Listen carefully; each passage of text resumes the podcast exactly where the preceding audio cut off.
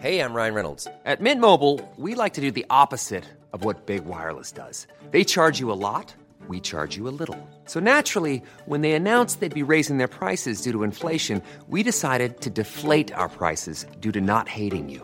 That's right. We're cutting the price of Mint Unlimited from $30 a month to just $15 a month. Give it a try at mintmobile.com slash switch. $45 upfront for three months plus taxes and fees. Promo rate for new customers for limited time. Unlimited more than 40 gigabytes per month. Slows. Full terms at mintmobile.com. Ever catch yourself eating the same flavorless dinner three days in a row? Dreaming of something better? Well, HelloFresh is your guilt-free dream come true, baby. It's me, Kiki Palmer. Let's wake up those taste buds with hot, juicy pecan-crusted chicken or garlic butter shrimp scampi. Mm. Hello Fresh. Stop dreaming of all the delicious possibilities and dig in at HelloFresh.com. Let's get this dinner party started. Now's the time to save 30% on wedding jewelry, only on BlueNile.com. Make sure your wedding ring is the one with your pick of diamond and lab grown diamond bands, all hand finished and graded for excellence. Or surprise her with something blue she'll love for life, like a stunning pair of sapphire earrings. Blue Nile's jewelry experts are available 24 7 to help, from fit questions to style advice. Right now, get up to 30% off at BlueNile.com. BlueNile.com. Hej! Och välkomna till avsnitt 93 av Haveristerna. Henrik heter Henrik. Sanna heter Ledartiken, alternativt Alfasuggan. Eh, och jag är sur. Varför är du sur för Axel? Nej, vad fan. För det, allt det här jävla tjafset två minuter innan vi ska spela in. Varför är inte det här löst innan? Vi har haft en valdiskussion och vi tjafsar. Jag vill inte prata om det. Nej, okej. Mm. Nu, nu är jag redan upprörd. Ja, behöver jag inte bli mer upprörd. okej. Då pratar vi inte om det. Är vi väl idag? igen så kör vi. Eh, Jag tänkte att vi ska börja med eh, veckans Cissi. Jaha, vi behöver inte fråga Henrik först vad han har gjort i veckan eller så. Jag skiter i vad han har gjort i veckan. Han kan få det sen. Fråga mig. Men veckans Cissi är snabb. Sen kan vi ta alla de här, eh, Kör. vad har hänt? Uh, Cissi Wallin postade här för inte så länge sedan, för ett dygn sedan nästan. Idag är det onsdagen den 4 november, klockan är 22.02. Eh, då postade Cissi Wallin en bild på sig själv utanför Stockholms tingsrätt. Och så skriver hon så här. Den stora förtalspandemin. När kommer vaccinet? Stoppa pressarna. Avbryt samlagen. Tappa alla hakor. För här kommer ännu en av många utpekad man och sätt dig ner nu för chocken kan vara rent farlig om du har lågt blodtryck. Anmäler de som berättar för förtal. De har just lärt sig ett nytt ord. Förtal. Eh, Jag orkar inte läsa allt det här, men det, det handlar i stort om att eh, män som anklagas för sexuella övergrepp eller våldtäkt, som påstår att det de anklagas för är förtal.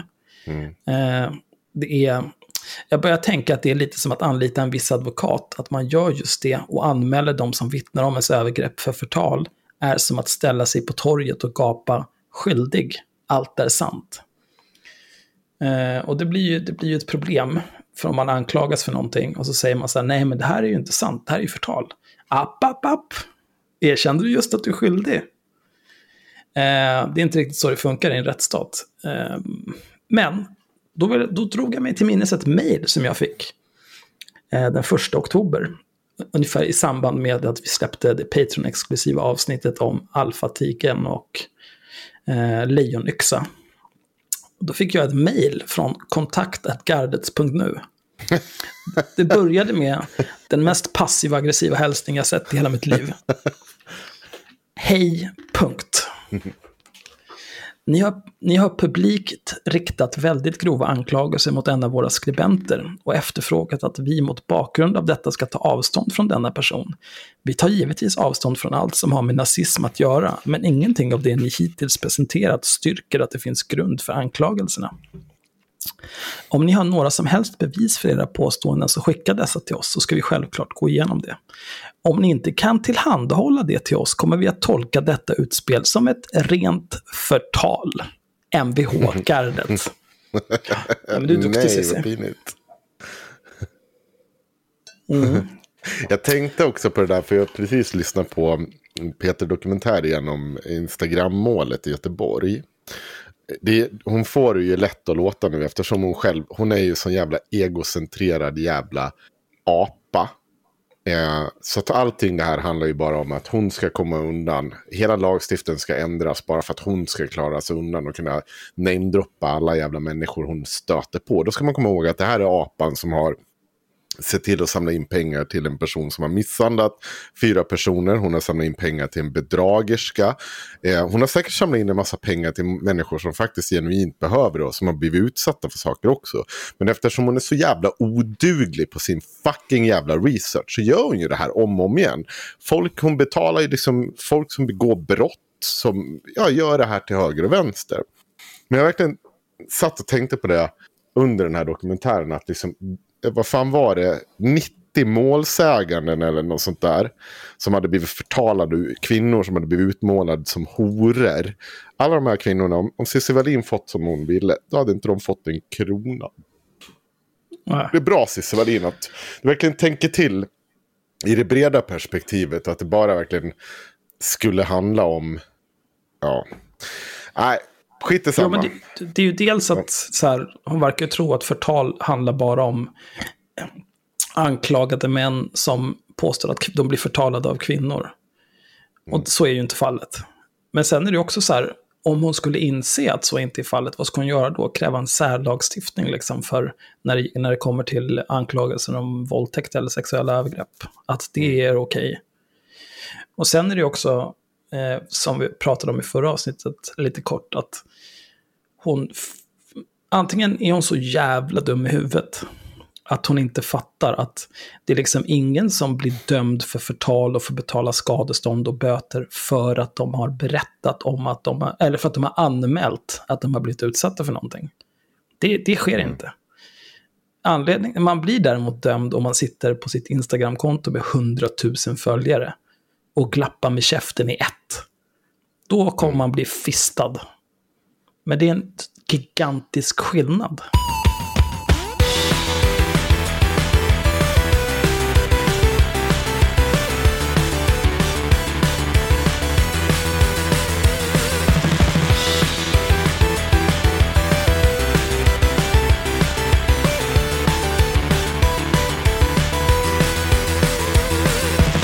Så, där har vi hört vilket jävla bra intro det var. Ja, det var ett grymt intro. Ja. Apropå introt så håller Kristoffer Svanströmer förhoppningsvis på och gör eh, logga för säsong 5 av Haveristerna. Som är inspirerad av det här introt kan man säga. Ehm, ni får se sen när det är klart. Men det är viktigt att tänka på, ingen jobbar ju gratis med haveristerna. Så nu kommer Kristoffer skicka en faktura till mig. Eh, och jag kommer mot bättre vetande betala den fakturan. Trots att jag egentligen borde riva den fakturan i bitan, bitar, ringa till Kristoffers farsa och skälla ut honom för att han har fött upp en så oduglig jävla son som skickar blufffakturor till folk. Men jag kommer betala den. Eh, och hur ska jag betala den? Ja, jag tänker inte betala den med mina egna pengar. Jag tänker betala den med era pengar. Så nu är det dags att bli Patreon, om du inte redan är det. Och varför ska man bli Patreon då? Ja, alltså annars blir det inga fler avsnitt, inte med det. Annars vet de inte varför jag kallas alfasuggan eller eh, ledartiken eller vad det var. Ja, det finns ju en hel del Patreon-exklusiva avsnitt att lyssna på.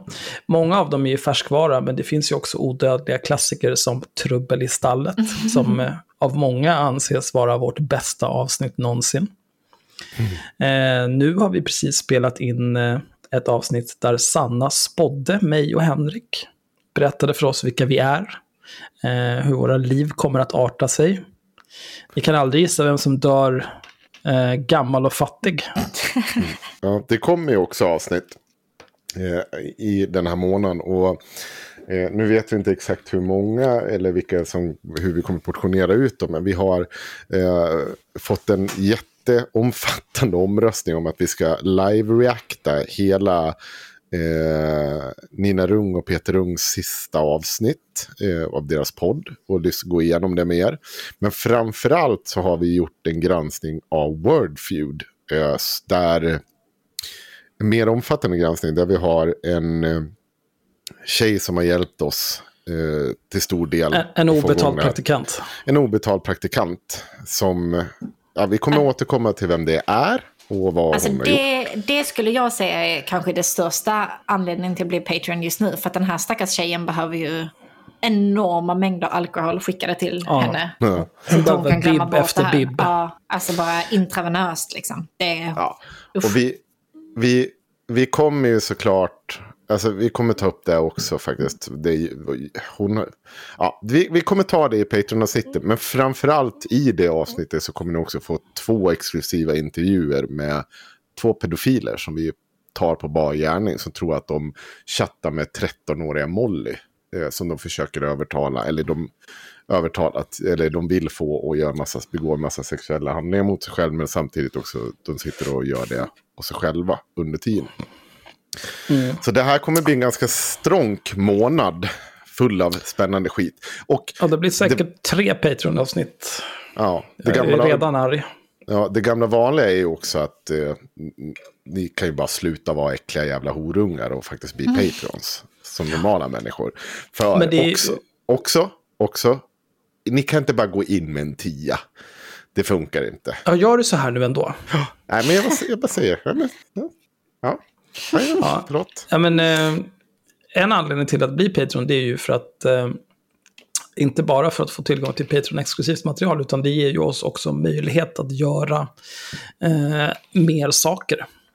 Ehm, man kan ju tänka så här, ja fan, 26 lax per avsnitt, fan mycket pengar. Men då kan man ju också betänka att Patreon tar 20%. Staten, sen när, vi, när pengarna kommer in från Patreon, kommer de in i vårt bolag, då ska vi betala klippan. Klippan kostar pengar. Sen för att få ut några pengar, då, ska, då tar staten hälften. Innan vi får några pengar på kontot. Plus att eh, vignetten kostar pengar. För att man kan inte förvänta sig att Dubmod ska jobba gratis. Loggan kostar pengar, för vi kan inte förvänta sig att Kristoffer ska jobba gratis. Och när folk gör sådana här saker som att wallraffa Wordfeud åt oss, då jag ser helst inte att de som gör sådana här saker för oss ska behöva jobba gratis heller, för jag är inte Cissi Wallin. Trots att jag inte har 250 miljoner på banken så betalar jag gärna för att folk gör saker. Ja, ja, men ja, generellt så. I, I det här fallet så finns det faktiskt ett undantag. Vi kommer diskutera det under det Ja, avsnittet. men det är- jag pratar bestämma. generellt, Henrik. Ja, mm, ja förlåt. Håll inte på. Någon som vaknade med en kuk i röven jag sitter just nu, jag kan säga att just nu håller Joe Biden ett ganska segervisst tal i bakgrunden. Eh, jag har det uppe, jag kan ju inte lyssna för då kan jag inte höra vad ni säger. Men eh, två saker som stör mig med, med det här valet. Och det, det är oavsett om eh, Trump eller Biden vinner. Det är ju att USA måste ju för i helvete reformera sitt valsystem. Det här jävla elektorer. Vis- vis- Visste ni att, det, om jag har förstått det rätt, så, och inte, jag, jag, jag tror det stämmer. Sen 2000 någonting så har alltså eh, Demokraterna vunnit det popular vote varje år. Men du har både haft George Bush och, och eh, vad heter det? Donald Trump. Trumperino. Ja, som, liksom, som har suttit på det där. Jag hörde en sån här statsvetare som sa så här, ja men oftast sammanfaller de ju. Men Vem fan bryr sig om oftast? Det ska väl för fan sammanfalla varje gång. Om det, om det finns tre miljoner i övervikt på en kandidat, det är ju inte en liten marginal. Även i ett land på, vad är de, är de över 300 miljoner? Och sånt där, eller 300 Ja, så det är en procent. Ja, men det är, det är mycket. Det är nog. Det, det, det är helt sinnessjukt att det får fortgå. Och sen systemet i sig, där folk liksom kan bli av med sin rösträtt och det är krångligt att registreras för rösträtt. Det finns liksom få vallokaler.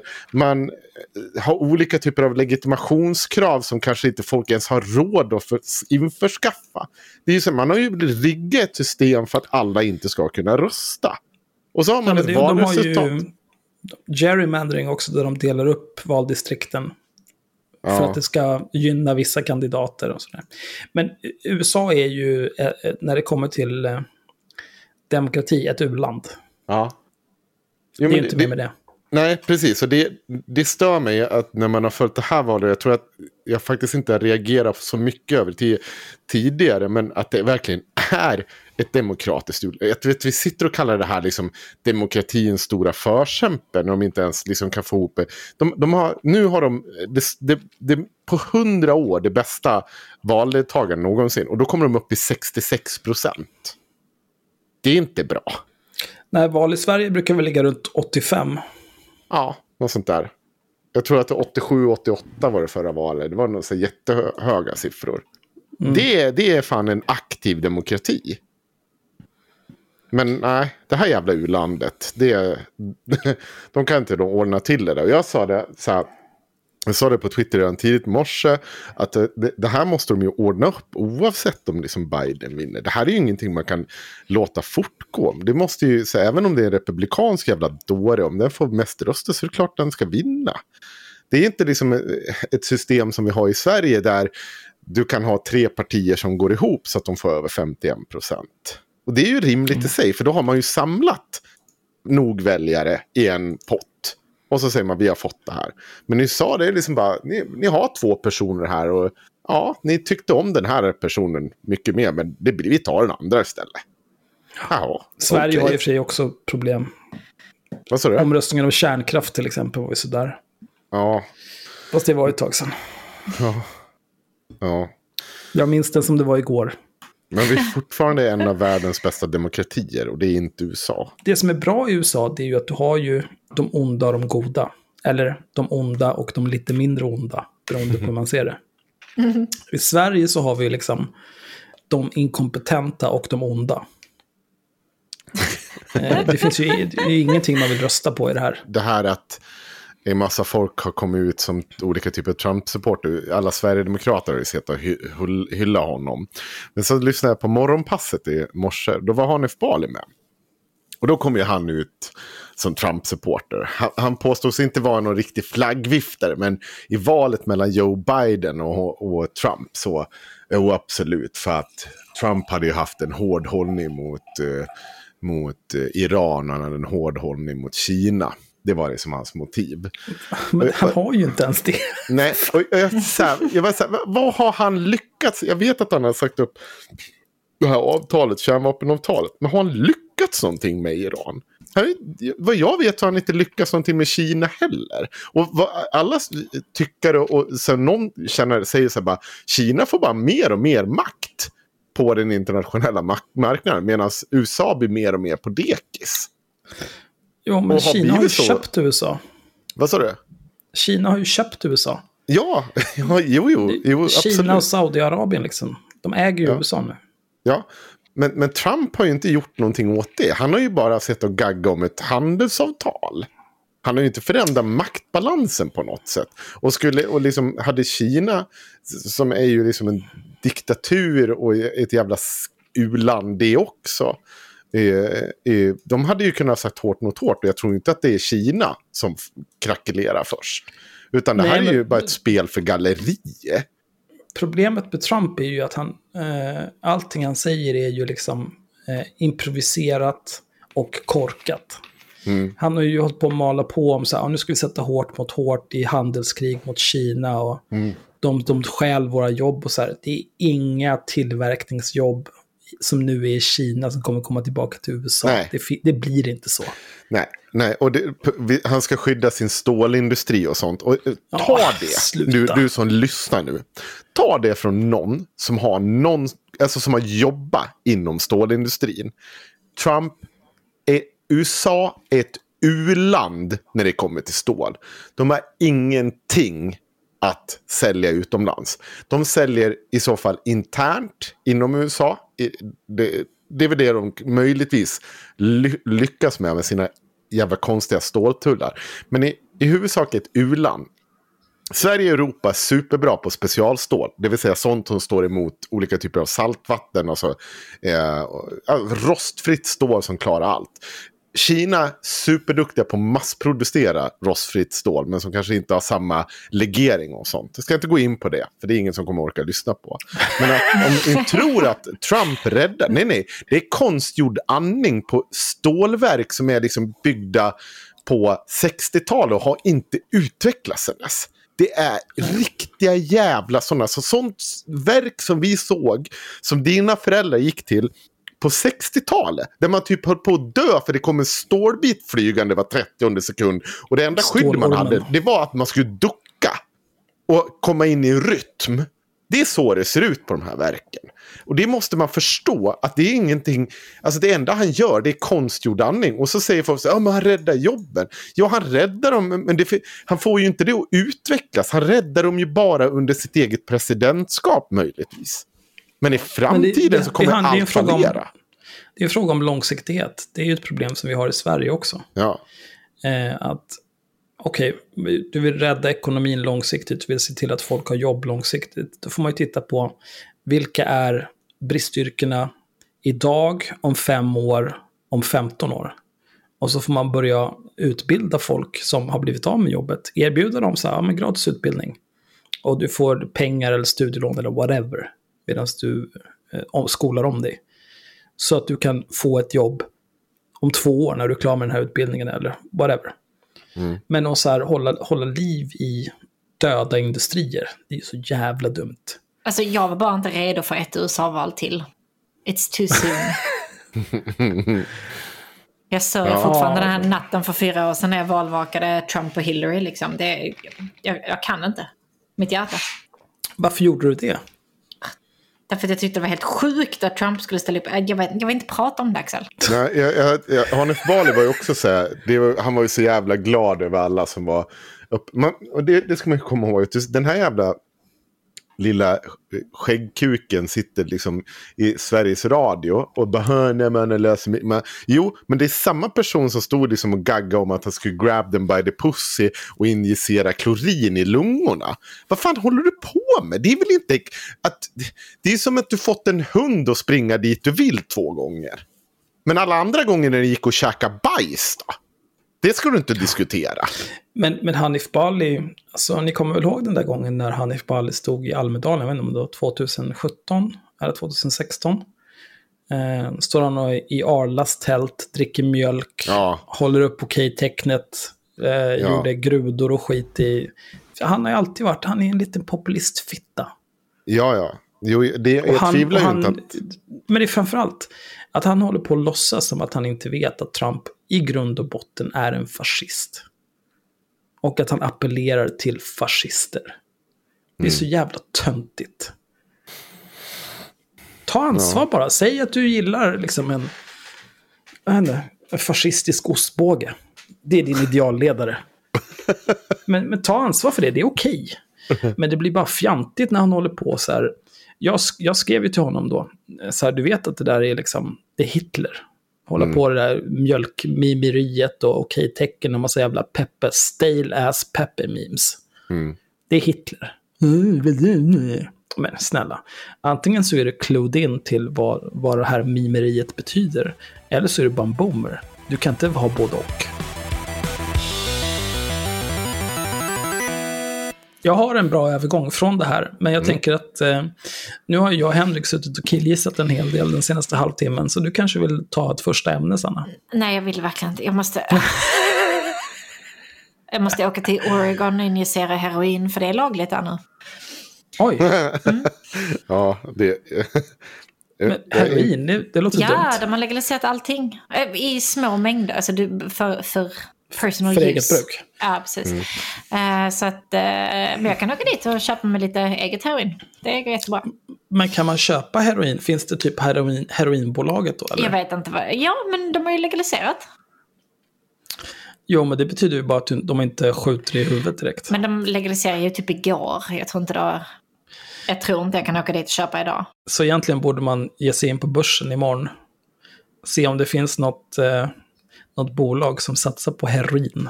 Men de har väl legaliserat i Portugal också? Det fungerar ganska bra, eller? Ja, i Portugal så kör de också. Det är okej om du bara ska skjuta det i din egen öga. I din egen öga. Ja, fast det är väl avkriminaliserat är det va?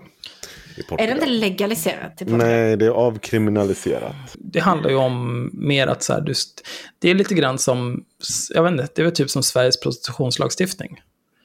Att man, man accepterar att den som säljer sex, du begår ju inget brott, utan du är en utsatt person. Och den som skjuter heroin, du begår inget brott, du är en utsatt person. Så vi kommer inte straffa dig. Men vi kommer eh, skjuta både torskar och heroinlangare i huvudet. Jag har en, eh, en bok. Eh, nu passar Mike. Mike, Mike Pence. Hans fru, vill jag säga. Eh, jag tänker inte tiff detta. Hans fru släppte ju någon bok om deras eh, kanin eller någonting som de har boendes där, där de bor. Eh, som skulle vara någon typ av superkonservativ barnbok eller någonting. Eh, och då släppte han Last Week Tonight, vad heter han, Oliver? John Oliver. John Oliver, han släppte en, en likadan bok som handlar om eh, Mike Pence kanin, men han är jättebög. Oj. Ehm, och den är jättebra. Den, eh, den brukar jag läsa för mina barn. Ja, jag har fan inte gjort något vettigt på senaste tiden. Jo, jag gjorde... Eh, jag har lagt in vitkål. Gott. Det har jag gjort. Mm. Med eh, en jalapeno. Med fröna. Senapsfrön. Eh, svartpeppar och salt. Men du, har du sådana nog. som, eh, som pyser sig själva, de här burkarna? Eller måste du gå Självklart. manuellt? Mm, okay. Jag Jag väl. jag köpte, jag köpte fyra stycken först. Eh, och sen så gjorde jag kimchi. Eh, och den måste ju stå liksom i tusen år. Ja. Ja, och då kände jag att jag fick sån, jag absade så hårt på att hålla på med det där, så jag var tvungen att gå och köpa fyra burkar till. Och nu har vi precis frigjort en burk. Ja. Och då la jag omedelbart in kol. Vi är på väg att frigöra en burk till. Och då, då ska jag lägga in ägg. Ja. Eh, jag tror att jag kanske bara kommer gå och köpa fyra burkar till imorgon. ja, absolut. Men det är också så här, eh, jag kan inte ha tolv burkar. Det är liksom en, en liters burkar. Va, vad ska jag göra av alla de här jävla burkarna? Det är som jag och mina sticklingar. Det börjar bli för mycket nu. Är vi, är vi inne på Ah. avsnittet Vad har du gjort sen sist? Eh, ja, vill du vara med Henrik? Ja, tack. jag vill inte fråga vad jag har gjort sen sist. Kan du inte bara berätta vad du har gjort sen Ah, sist? Varför måste du alltid vara den här innan vi börjar spela in avsnitt? vänta, vänta, vänta, så- vänta, vänta, nej, vänta, vänta, alltså, vänta. Nej, men tyst nu. Innan vi börjar spela in avsnitt sitter Henk och säger så här, ja, men nu måste ni fråga mig vad jag har gjort i veckan för jag ska ta upp det här, bla, bla, bla, bla. Alltså allting är så jävla stageat. Det är så, ah, nej men det här är avsnitt, bla, bla, bla. Kul. Eh, Henrik, vad har du gjort i veckan? Vill ni höra vad jag har gjort? Det är så jävla Ja. fake. Ja, kör nu. Jag har varit och kollat kuken. Jaha, vad är det för fel på den? Eh, Nej, nej, kolla men- den bara. Nej, men någon, någon random kille nere på stan. Var, Jag tänkte det. En hundring. Nej, eh, jag gick på, jag gick på ni, ni vet ju prostata-grejen. Eh, när, när, nu har jag Prostatan fått den sitter här inte i kuken, Henrik. Nej, måste jag bara- vet. jag känner mig också lurad i efterhand. För det kommer Men ju upp, i, det. eh, det kommer ju upp i Patreon-avsnittet att du har vidare problem med den kvinnliga anatomin. Så att,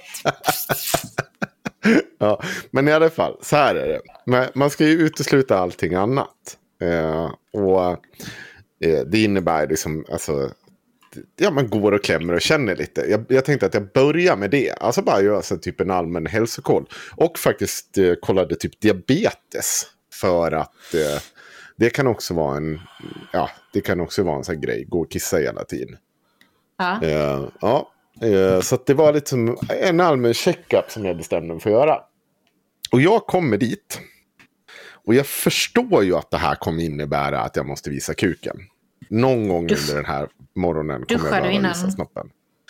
Jag dig. hade, löst, jag hade löst den regionen. Hade jag löst. Jaha, för att jag tyckte okej. att det, det var trevligt mot eventuell person som... Och jag kommer dit. Så deo och ljumskarna och sånt. Ja, nej men så, ja, men jag kommer dit, sätter mig i det väntrummet och jag är inte särskilt brydd över det här. Jag tycker att det är så här, gå till jag har stort förtroende för läkare. De ska göra sitt jobb och jag liksom ska förhålla mig professionell. Jag ska liksom inte springa runt och vifta med snoppen. eh, Så gjorde du det ändå? Nej, nej, men jag går och sätter mig i det där väntrummet. Och då kommer läkaren. Som ser ut att vara väl, ja, ett par år yngre än mig ser förhållandevis jävla bra ut och är såklart kvinna. Och jag tänker så här bara, nej men, det, det är väl en kille i alla fall. Det där är det ju inte. Åh, oh, jävlar. Det är klart det är hon. Det är klart det är den här unga, attraktiva läkaren. Som jag ska gå in, sätta Du får mig på en fan jävla kontrollera bil dig själv. ja, och, och hala fram pillesnoppen. Ja, så... Det, jag gjorde det. Och jag... Du, innan du fortsätter nu. Ja, Jag synar, jag, jag, jag ser Nej, din... nej, Jo, nej, inte jag- den jag- framför dig. Nej, men jag, jag ser din kvinnliga läkare som ska ta dig på kuken. Och jag höjer dig. 13, 12 år var jag. Var hos läkaren. Vänta, vänta, Eh. vänta, vänta, vänta, vänta. Jag vill jättegärna höra den här historien.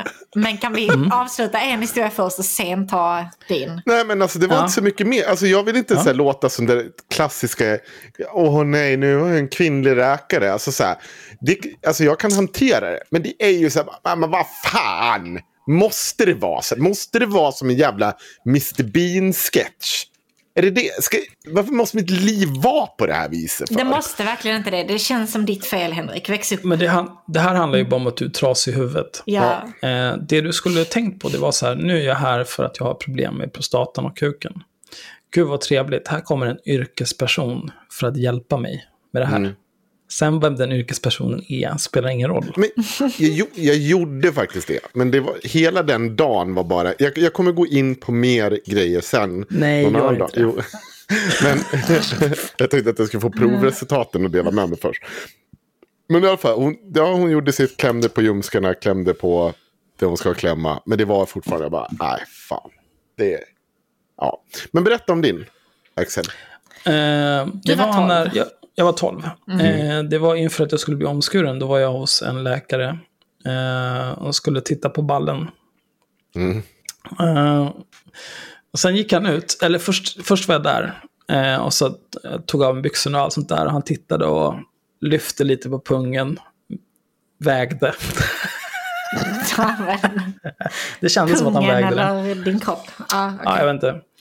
Eh, och sen så sa han så här bara, jag kommer snart. Så går han ut. Kommer tillbaka, har med sig typ tio personer. eh, och bara, ja men vi har, eh, vi har några läkarstudenter här på besök idag. Så jag tänkte, det här är ganska sällsynt. Är det okej om de är här, eh, är med? Och då var alla tio redan inne i rummet. Jag bara, mm, kul. Absolut. Så gör vi. Ja. ja, tack för den. Ja, nej, det, så här i efterhand känns som ett övergrepp. Ja, ja. men Hon det var gick bra. jätteprofessionell Eh, den här läkaren i alla fall, kan jag säga. Ja, det var både min läkare och läkarstudenterna också. Ja. Men alltså hur ofta måste man som man visa snoppen för läkare? Alltså om det är något fel på den. Alltså om man är Henrik och är riktigt påträngande så kommer de att titta på den förr eller senare. Men jag menar det... Ja, jag kan säga så här, efter det så har jag aldrig visat den för någon Nej. läkare. För Nej men absolut, gjort- jag förstår hur detta är ett problem för er grabbar som behöver visa kuken en gång om, i livet för en läkare. Det känns ju jättejobbigt.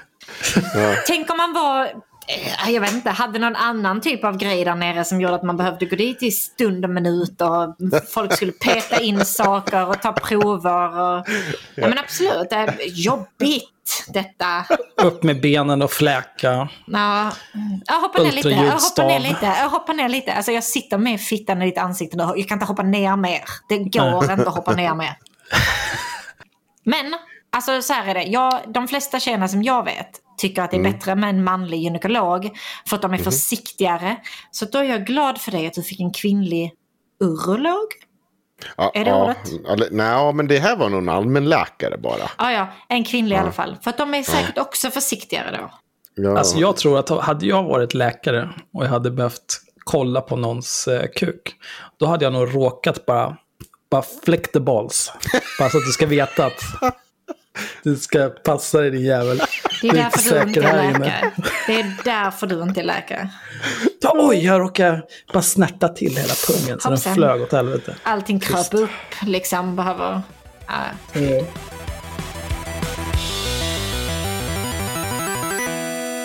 Linnea Claesson har eh, varit sådär härligt sjuk i huvudet som bara hon kan vara igen. Eh, hon eh, under, eh, vad blir det, alla helgorna så eh, släppte hon en liten text på Instagram. Eh, där hon först skriver såklart att, eh, eller såklart, det här är inte så klart, så hon har aldrig gjort förut. Men den här gången så var hon smart nog att uppfatta att det är lite sjukt att jag hela tiden beskriver mig själv som ett väsen som vakar över mänskligheten. Men lik förbannat kunde hon ju inte låta bli. Så hon, lev, hon skrev sin Linnea-poesi som hon så ofta gör. När hon inte låtsas Ja. vara en liten, liten, liten hamster. Som gör massa roliga ljud. De är så kul och det är så spännande. Jag är inte alls arg på den här. Eh, men i fall, hon, hon skrev så här. Det är okej att vara rädd. Det är okej att vara ledsen. Det är okej att gå sönder. Det är okej att känna att man inte orkar. Alltså hon, det, det är inte okej att tro att man, kan, att man är någon typ av poet som du tror, uppenbarligen tror att du är. Du kommer orka ändå. Du kommer plocka ihop dig själv ändå. Det har du alltid gjort. Trots allt. Alltid. Varenda jävla hinder, varenda jävla hjärtesorg, varenda svek, misslyckande, missöde och tragedi har du överlevt. Varenda helvetesnatt har du tagit dig igenom. Det gör du, det gör du den här gången också. Det är jag säker på. Det kommer vara för jävligt. Men det kommer också finnas stund, stunder framåt som är bra. Som är vackra, som är fantastiska. Det är jag också säker på. Det är, och jag önskar dig dem. Och jag önskar dig all lycka. Att solen lyser där du går. Att nätterna som denna blir få. Oj, vad, vilket rim. Så avslutar hon så här. Du kan lita på att i natt och alla nätter har jag din rygg. Jag sitter bredvid dig när du gråter. Jag vakar över dig när du sover. Och jag ger dig all min kärlek. Det där är ett övergrepp. Ah, Ja, alltså, ut ur mitt rum din jävla psykopat. Ut ur mitt fucking rum. Du ska inte se... Det är så jävla sinnessjukt att beskriva sig på det där sättet. Jag, jag har en... eh, Jag var tvungen att hantera en av våra lyssnare. Som har... eh, Hon har okej reach på Instagram. Eh, Hon, hon hade gjort eh, samma spaning i sin story. Och markerat samma grejer som du hade markerat. Mm. Eh, Och postat det. Och eh, var rasande på mig. För att hon menade, eftersom jag följer henne, hon menade att jag hade stulit det. Eh, och lagt upp det på vår Instagram. Då försökte jag förklara så här, det, det är inte jag, det är Henrik som har lagt upp det. Jag vet inte vad han har fått från det. Han har väl, jag har väl tänkt samma sak, inte fan vet jag. Vad ska jag behöva ta skit för det här? Helt sjukt. Bara så du vet. Jaha, jag kan hälsa henne att jag, det var ju någon som la upp det i vår grupp först. Ja, så att jag, jag, det var där jag såg det först. Och sen eh, gjorde jag en ny för att de, så här är det, det är ganska må- många som är ganska dåliga på att göra en ordentlig, eh, vad heter det, alltså be, beskurning och, eh, och bra markering. Så jag gjorde om det. Och så la jag ut samma. Men det, det var väl inget, jag hade väl upptäckt det där förr eller senare. Det är ju inte så att jag inte sitter där och ugglar Som att du inte sitter och psykopat. F5ar hennes eh, Instagram 24-7. Nej. Så, men i alla fall, eh, tillbaka till det här. För det, jag tycker inte att det ska stanna där. Jag tycker att eh, det ska, vi ska fortsätta. För under det inlägget, och det hade då inte den här personen som eh, la upp det i vår grupp publicera. Så skriver hon så här. Jag är med. För det första, vi måste bara diskutera här. som Det jag sa, att beskriva någon som ett jävla väsen. Att jag, jag sitter och övervakar dig när du sover och jag finns bredvid dig när du gråter. Vad är du sjuk i huvudet? Hon gjorde ju det här tidigare en gång. Ja, och satt och sa att hon skulle finnas med folk hela natten. Hon är ju ute och söp på Stureplan. Vadå, sitter du och har någon jour på Spybar? Det är, det är samma natt som du vet när Friendforce går fram och eh, gör den här lilla videosnutten med henne. Där kan jag faktiskt, jag tänker backa Linnea. Alltså det är ju bildligt talat.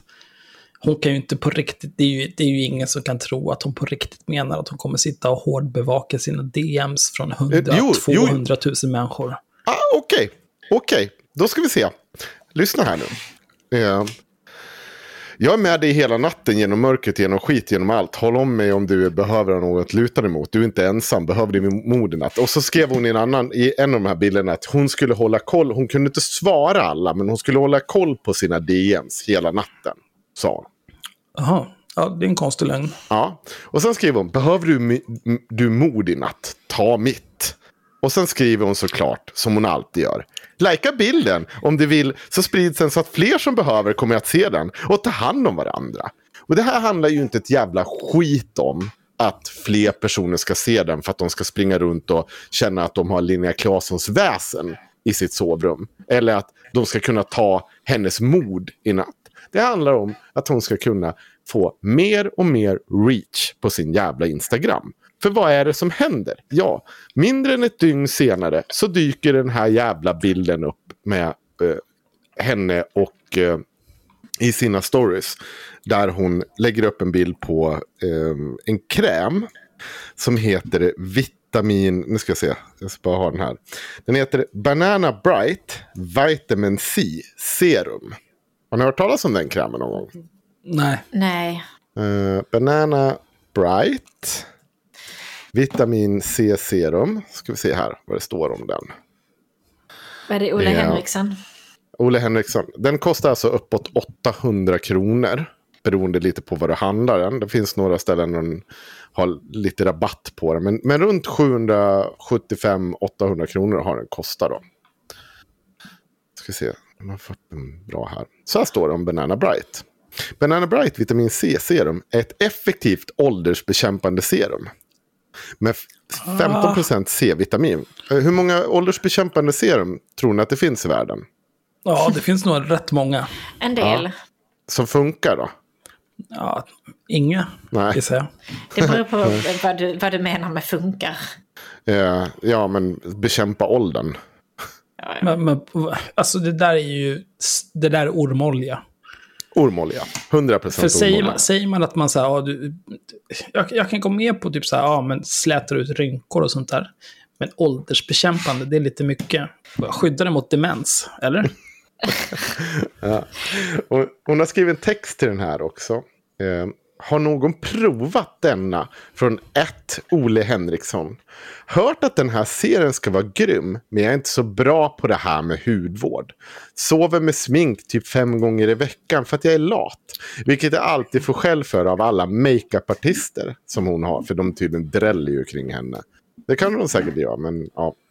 Haha, men jag gillar veganska produkter generellt och idag är det ju internationella vegandagen så ändå passande och peppigt att prova dessa då. Ja, och då kan man ju tänka, det första jag reagerar o- om du inte har koll på den här produkten. Hur fan kommer det sig att du är så jävla rik så att du går liksom och köper en produkt för totalt, ja, vi säger, vi, eh, on a good Men det är, day. inte, är det inte markerat som reklam? Nej. Nej. Nej men snälla. Linnea, vi har ju gått igenom det här förra året. Ska vi behöva säga till det igen? Ja, men, eh, om vi hittar de här billigaste modellerna här nu. Du har sittorna som är krämer för 1240 kronor. Men sannolikt runt kanske jag skulle säga 1500 spänn. Hon har ingen aning om de är bra. Men hon bara råkar sitta med dem i sin hand hemma. Och råka tagga den som Olle Henriksson. tillverkar det. Ja. Och Nej, men hon har råkar nu köpt att, dem. Det tror jag. och råkar veta att de är veganska. Gör hon också. Och det råkar bara dyka upp på internationella vegandagen. Det är så himla tokigt. Hur kunde Ja, hur- naturen göra det där? Crazy. en annan sak som också stör mig lite med, med faktum att hon har så lite koll på Olle Henriksson.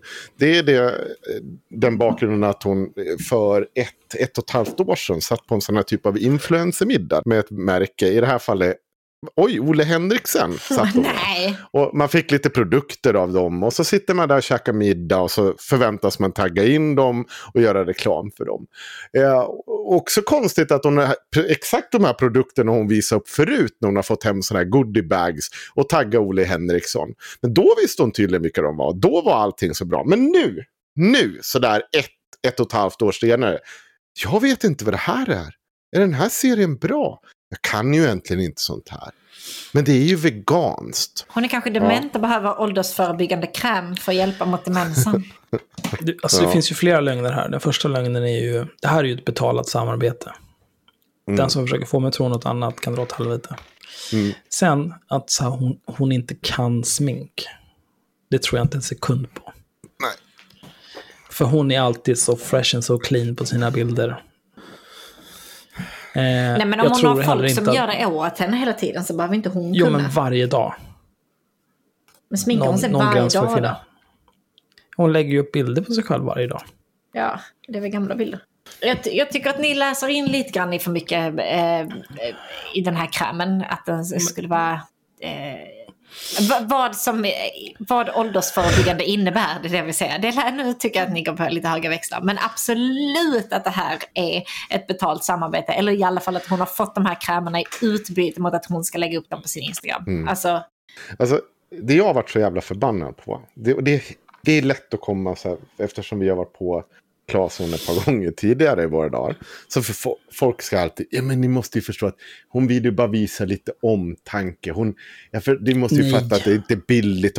Nej, ni, ja, precis. Nej, nej, nej, nej, nej, nej. Nej, det handlar om att maximera reach. Det handlar om Only att for få så många personer att dela hennes skräp som möjligt. För att då i nästa post kunna göra ett sånt här samarbete. För det samarbetet det kan hon få pengar på. Eller utbyte av tjänster, varor av olika slag. Och jag kan säga så här. Jag vet ett stort bolag som har gjort exakt det här med Linnea Claesson. Har aldrig någonsin markerat som reklam. Och jag vet det för att jag känner en av de anställda där. På det här stora bolaget. Det, jag kan tyvärr inte gå in på vilket det är. Men det, det är så att man tar in Linnea Claesson och en massa andra personer. Och så ska de mm, testa en massa grejer på dem. Och så får de visa upp det. Och så förväntar man sig såklart att det ska synas i deras sociala medier. Och det gör det. Och så får man en bunt goodiebags. Man kanske får liksom bli tillpiffad eller på andra sätt. Man- det är tjänster och gentjänster. Man får en massa utbyte. Eh, och det här ska egentligen deklareras. För det är reklam. Och det är de väl medvetna om. Och det är sånt man kan bli anmäld för. Men Linnea vägrar ju erkänna att det är reklam. Och det är väl fan det första problemet med det här. Att den där människan bara sitter och ljuger, ljuger, ljuger, ljuger. Och vi bara fortsätter låta det gå. Men ett annat problem är ju att de här företagen, eh, när de skriver de här samarbetskontrakten, Mm. att det inte står i de kontrakten att markera det här som reklam. Mm. Att företagen som sponsrar människor som Linnea Claesson inte tar den typen av ansvar att följa svensk lagstiftning. Alltså Ja. företag i regel som söker alltså influencers och så vidare för att marknadsföra deras produkter på Instagram är ju vidriga. Alltså de vill ju typ att folk ska göra det gratis hela tiden. Alltså, det finns ju hur mycket videos som helst ni kan se som Mm. influencers har gjort om det här. De behandlar dem jätte, jätte illa. Men Linnea här- Claesson är liksom en av de största influencersarna vi har. Influencersarna. Och, nej, men, alltså, hon är ju jättestor och hon har varit i blåsväder för det här innan. Och det är liksom väldigt naivt att tro att hon skulle vara för dum för att inte fatta att det hon gör är fel. Och sen så försöker hon maska det genom att lägga upp de här jättesnälla inläggen att hon är bara så gullig och bryr sig om alla och så vidare. Och det är bara så fruktansvärt cringe.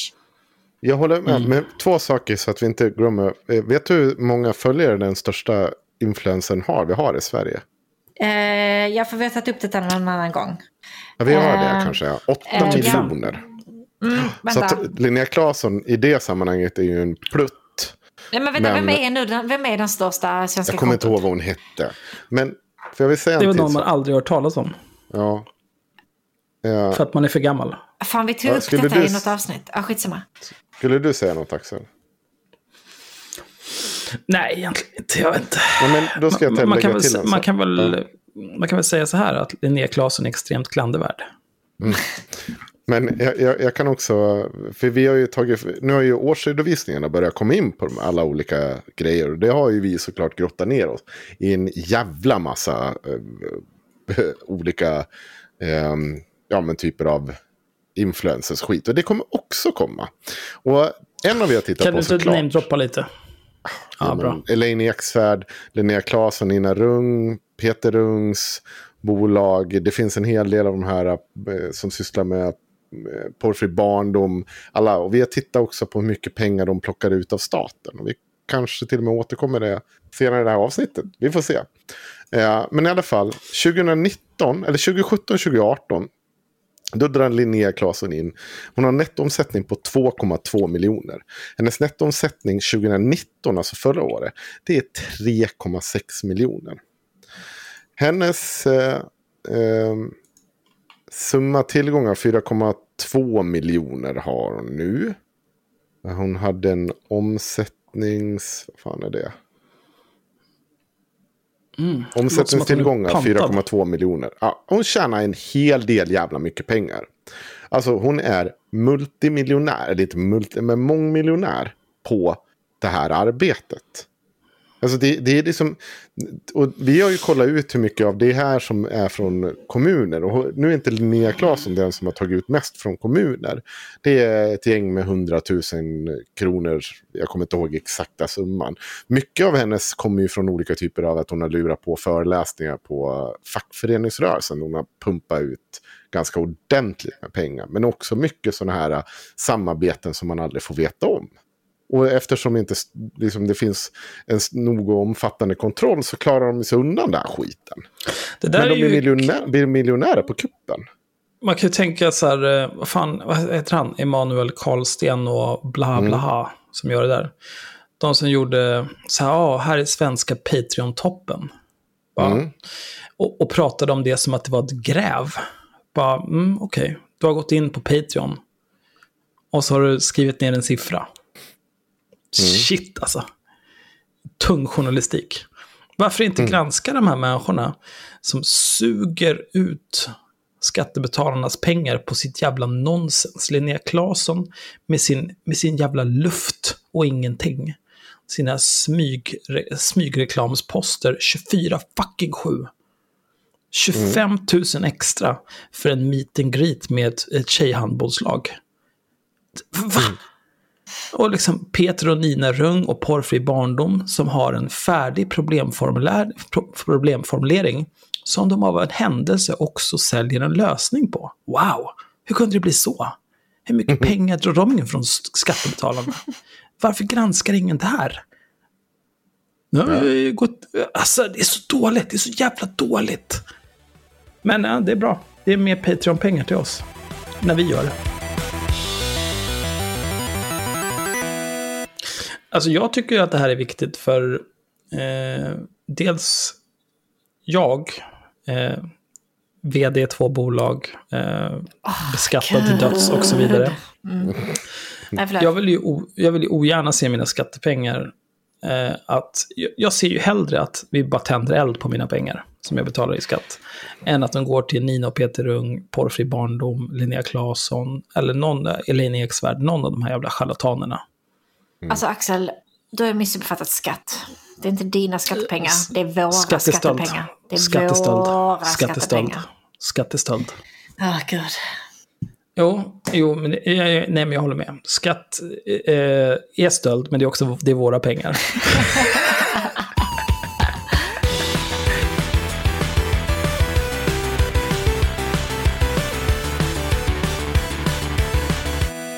Det här är en eh, ganska gammal artikel. Mm. Eh, med tanke på att vi alltid hanterar färskvara. Den här är publicerad 17 november. Oj, Den är publicerad 14 november, uppdaterad 17 november i år. Eh, rubriken är Sverigedemokraternas framgångar i Skåne kom av sig. Ingressen. Hörby Bromölla. Sverigedemokraterna blev största parti i 11 skånska kommuner i valet 2018. Hur känns det, Sanna? Ja, för jävligt. Men alltså på riktigt, alla är rassar här nere. Jag vet inte, min, min morbror sitter och delar sånt jävla piss. Han delar, häromveckan delade han så här White Lives Matter. Och jag bara nej! nej vad gör du? Och sen så har min andra morbror så här försökt ni vet, rädda det lite för att han är så här nyskild och måste vara lite peppig liksom. Ni vet, kan inte bara vara superrasse som jag vet att han är. Eh, Så han går in och kommenterar så. Two. Alltså White Lives Matter 2. Och man bara, det här... Åh! Bara era föräldrar är invandrare. Varför sitter... Alltså jag blir... Ja, okej. Nej men fortsätt. Var är de invandrade ifrån? Finland. Ja, det är just Ryan Reynolds here from Mint Mobile. With the price of just about everything going up during inflation, we thought we'd bring our prices down. So to help us, we brought in a reverse auctioneer, which is apparently a thing. Mint Mobile unlimited premium wireless. Ready to get 30, 30, bit to get 30, bit to get 20, 20, 20, bit to get 20, 20, bit to get 15, 15, 15, 15 just 15 bucks a month. So, Give it a try at mintmobile.com slash switch. $45 upfront for three months plus taxes and fees. Promo rate for new customers for limited time. Unlimited more than 40 gigabytes per month. Slows. Full terms at mintmobile.com. Here's a cool fact a crocodile can't stick out its tongue. Another cool fact you can get short term health insurance for a month or just under a year in some states. United Healthcare short term insurance plans are designed for people who are between jobs, coming off their parents' plan, or turning a side hustle into a full time gig. Underwritten by Golden Rule Insurance Company, they offer flexible, budget friendly coverage with access to a nationwide network of doctors and hospitals. Get more cool facts about United Healthcare short term plans at uh1.com. Men det är ju inte riktiga invandrare. Nej men de pratar ju inte svenska. Nej, det är klart de inte gör. Nej, men det, där, det där har vi pratat om förut, alltså det här eh, arbetskraftsinvandringen på 60 och 70-talet.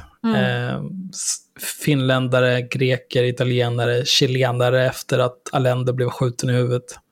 Ja. Eh, de, är, de är typ okej. Framförallt finnarna, för de är typ svenskar. De är okej idag, men jag menar, de var inte okej då.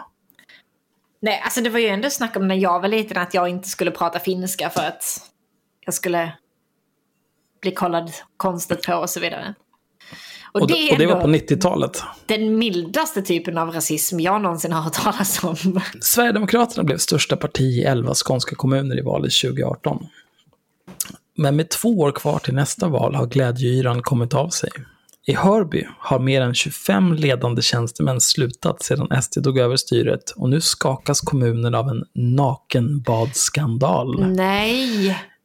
I Bromölla har partiet drabbats av massavhopp och lämnat styret. Mycket bra. Jag vet att de leder här i Trelleborg där jag bor också. De har eh, bestämmande rätt eller vad man ska säga. Vad heter det? De är största parti, så heter det. Shit, alltså jag har fått en stroke. Men Hur får vi du? veta mer om den här nakenbadsskandalen eller? Eh, Jag hoppas det. Jag blir supersugen nu. Ja, det här är ju för övrigt en text av Hanna Grosshög. Oj, det är inte ett snällt efternamn. Eh, och här har vi en till med ett jävligt rare namn. Eva Klang Wennerklints plan var att bo i Skåne i resten av sitt liv. Men snart går flyttlasset från Hörby, då hon fram till i våras arbetade som socialchef, till den nya tjänsten som vård och omsorgschef i Mölndal. Det kan jag berätta. Eh, min första tatuering som jag gjorde för 23 år sedan. En kinesisk drake på vänster bröst. Den gjordes av en tatuerare från Mölndal som heter Magic Man. Mm, nu vet ni det. Oj. Eh, hon ser ingen anledning att hålla tyst om orsaken. Redan när SD tog över makten började chefsavhoppen. Jag blev den i den tidigare ledningsgruppen som stannade kvar längst. Jag är en i grunden positiv person. Men till slut kände jag inte igen mig själv. Jag var arg hela tiden. I slutet av januari lämnade jag in min avskedsansökan, säger hon. Efter valet 2014 hade Sverigedemokraterna inte majoritet i någon kommun. 2018 förändrades bilden. Då blev partiet störst i 12 kommuner, varav 11 skånska. Alltså, ni är ett sånt jävla landsförrädarslödder. Ja, det är vidrigt här nere alltså. Allra bäst gick det i Hörby. Här röstade över 35 procent av de drygt 15 000 invånarna på SD som kunde ta makten genom valsamverkan med M. Ja, visst, det är klart. Nazistkollaboratörerna. Ja. Redan från start fick partiet en skandal på halsen. Det tilltänkta kommunalrådet, gruppledaren Stefan Borg, avslöjades med att ha spritt högerextremism och homofobi på Facebook. Wow! och tvingades dra tillbaka sin kandidatur. Idag sitter han i kommunstyrelsen och är ordförande i barn och ungdomsnämnden. Ja men Bra. snälla. Bra gjort. Istället gick posten till vice gruppledaren Cecilia Blad Incito. Det låter inte som ett svenskt namn. Get out. När tidningen Sydsvenskan ett år efter valet granskade chefsavhoppen i Skåne var Hörby den kommun som stack ut mest. Här hade 22 chefer, över 40 procent av de med personalansvar i kommunen, lämnat sina tjänster efter SDs maktövertagande. Men det är det här, alltså det här är anledningen till att jag en gång röstade på SD. För att jag visste att om de får makten, då kommer det bli så här. Försök inte rädda det blir så här, nej men ju fortare det blir så här på liksom en nationell nivå, desto fortare vi av med de här jävla pajasarna. Här bor jag mitt i Nasseklungan och försöker liksom reda ut det här jävla äcklena som bor här. Börjar med min familj för det första. Och sen sitter du där och bara, nej men äh, jag röstade på SD en gång så nu räddar jag världen. Mm. Axel. Jo men alltså det är, sve, det är politiskt svedjebruk. Så gör du, Bränn så hela gör du skiten. Skåne skit när du har röstat. Vad är det här? Jo, jo, men jag röstar ju inte, jag röstade inte på SD det för att jag är nazist. skämt. Nej, jag röstade på för att vi ska få slut på den här skiten. Va? Okej. Låt dem ta över hela landet, bränna ner alltihopa. Jag menar, deras kärnväljare är ju losers. Gud. Så är det ju. Absolut. Eh, sen att de inte är losers, det är inte deras fel att de är losers, men de bor liksom någon typ av avfolkningsort, de mår dåligt, unga män, bla bla bla. Det är ju deras kärnväljare. Inga framtidsutsikter. Bränn ner hela jävla skiten så får de se hur det blir då. Det kommer bli sämre för dem. Och då kanske de kommer till insikt om att, ah, men ska vi göra så här att eh, istället för att vi röstar på de här gamla nassarna, så röstar vi på ett normalt parti. Och så är vi lite solidariska med varandra. Och så ser vi till att ni som lever någonstans där allting är vedervärdigt och det inte finns några som helst framtidsutsikter. Du vet vad vi gör? Vi bara skickar pengar på er så att ni kan flytta därifrån eller ni kan revitalisera er, er jävla ruttna ort eller gör vad fan ni vill. Hela landet ska leva, alla ska med, nu åker vi. Men sluta heila. Det är, mitt, det är det enda jag begär. Sluta heila. Det går inte. För jag tänker inte betala några jävla pengar till folk som springer runt och heilar, då kan ni brinna. Sedan dess har ytterligare chefer lämnat, däribland den förra socialchefen, Eva Klang Vänerklint. Hon är en av flera tjänstemän som anklagat SD-ledningen för att ignorera fakta och kunskapsunderlag. Wow! Vem hade kunnat tro det? Som kommunal tjänsteman är man van vid att den politiska ledningen byts ut då och då. Den stora skillnaden med SD är att de inte har någon tradition av att leda en kommun. Tillsammans med den okunskapen visade det sig också finnas ett kunskapsförakt och en envis uppfattning om de egna slutsatsernas förträfflighet. Alltså det här är så jävla guldiga formuleringar. Eva, Klant, Eva Klang, Vänerklint alltså. Hon är min hjälte. Dessa byggde på ideologiska grunder, vilket i beslutsfattandet ofta påverkade möjligheten att följa lagar. och drabbade ofta dem med utländsk härkomst, säger hon. Och hon har också, det är en bild på henne här, hon ser extremt... Eh, hon ger intryck av att vara kompetent och professionell. Fan, jag ska ringa henne imorgon. Ja, Gud, vad det trevligt. låter inte alls obehagligt. Hörru Eva, ta och Hej, koka jag lite såg en kaffe nu. bild på dig på internet. Du ser otroligt kompetent ut.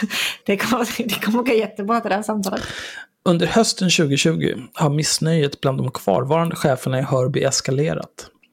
Upprinnelsen är en urspårad chefskonferens på Örenäs slott. Så är det en länk här till en annan artikel om hur, ja det har väl ballat ur antar jag. Ja, det är en SD som har nakenbadat. Eh, Man får ju anta det. Jag kollar nu. Utanför Landskrona som slutar med att två berusade toppchefer badar nakna i en pool inför chockade medarbetare. Det låter inte så jävla farligt ändå. Alltså, jag är för nakenbad. Ja, jag, det, jag är mest så här, det där hade nästan kunnat vara jag. Jo, men, men, Men, man inte får i också syftet tänka... att göra något så här konstigt mot de anställda, utan det är just det där att nakenbad Nej, men du, är min du är full och lite full. glad och det finns en Ja. pool. Nu är det, fuck, nu är det go time. Ja, alltså, jag, jag nakenbadar typ alltid. Det känner jag, det är inget konstigt. Jag gick Nej, ju jag tycker på, inte heller att det är på högskolan precis vid, vid havet som brygga ut efter varje kåkväll på liksom sommarhalvåret. Så gick man ju bara rakt ut, klädde av sig alla kläder och så badade man med alla andra hundra studenter som var inne på puben. Liksom. Det var inga... Kör på. Möjligtvis kan jag känna så här. Eh, nästa sommar, när vi ska springa fram och tillbaka mellan poolen och bastun och hälla in 50 000 öl i ansiktet. Då skulle inte jag ha något problem med att bada naken. Eh, om jag var på någon typ av jobbgrej, en konferens eller någonting, eh, då skulle jag nog dels skulle jag nog inte dricka alkohol överhuvudtaget. Eh, för att jag har självinsikt nog att veta att det kan kuka ur. Eh, så det hade jag undvikit. Och jag hade inte badat naken bland mina kollegor. För att det, är liksom, det, det, det blir inte bra. Det är liksom, stay in your lane, håll dig på mattan och var bara normal. Alltså jag vill säga att det beror på sammanhanget. Ja, om jag men om du är på chefskonferens. skitfull- Ja, nej, kanske inte då. Men alltså så här, om man sitter där, ett par kollegor, man snackar och sen så bara, ah, men ska vi inte bada? Ah, shit, jag har inga badkläder med mig. Ah, Okej, nu vill vi bada nakna. Och alla är med på det liksom. Är det då en Ja, ja. stackare av tre som är väldigt obekväm med det här, då hade jag ju kanske inte gjort det. Ja, jag hade nog gjort det ändå. Men då hade det, man behöver inte vara en, en horung om det. Då är det bara så här, ja men vad fan, vi kör, du behöver inte bada om du inte vill. Liksom. Det är inga problem, men jag håller på att brinna upp i den här jävla bastun nu. Plus att jag måste ut och hämta en till bärs för att nu är det dags, nu åker Ja, vi. men om någon kollega helt plötsligt kastar av sig alla kläder i bastun utan att säga någonting innan, eller så här, ni vet i jacuzzin eller någonting, alltså då, då är det lite timellvarning på det där. får man ju passa sig. Jag, jag skulle säga, om det var en man, då skulle jag känna, mm, nej, nej, det beror på.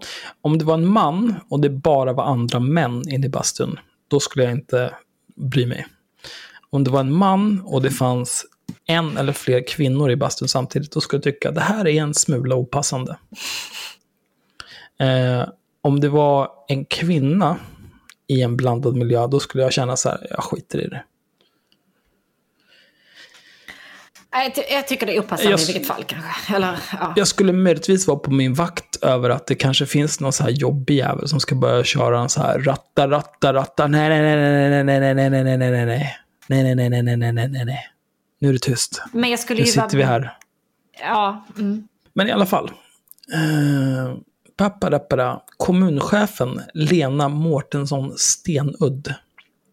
som anställts efter att SD tagit makten, anser inledningsvis inte att händelsen behöver utredas. Detta leder så småningom till att facken i Hörby anmäler kommunen till Arbetsmiljöverket. I samma veva skickar 32 kommunala chefer ett gemensamt brev till kommunstyrelsen med krav på kommundirektörens avgång. De anklagar henne för vad som kan beskrivas som ett skräckvälde där tystnadskultur råder och där många är rädda för att utsättas för repressalier. Det här, de är ju såna jävla fascister. Det är ett sånt jävla fascistpack. Det är liksom bara gå på känsla och ideologi och alla som säger emot, de ska straffas. Alltså, bränn upp de här människorna. Den 7 oktober, dagen efter att chefsuppropet har offentliggjorts, kallar kommunalrådet Cecilia Blad Incito till presskonferens för att informera om att kommunchefen och hennes närmaste kollega har arbetsbefriats i avvaktan på utredning. Vi ser mycket allvarligt på den uppkomna situationen. Det räcker inte att göra en utredning från konferensen. Det behövs även en oberoende utredning angående arbetsmiljön och den påtalade tystnadskulturen. Oh, oh, oh. Alla medarbetare ska kunna känna sig trygga i Hörby kommun, säger hon.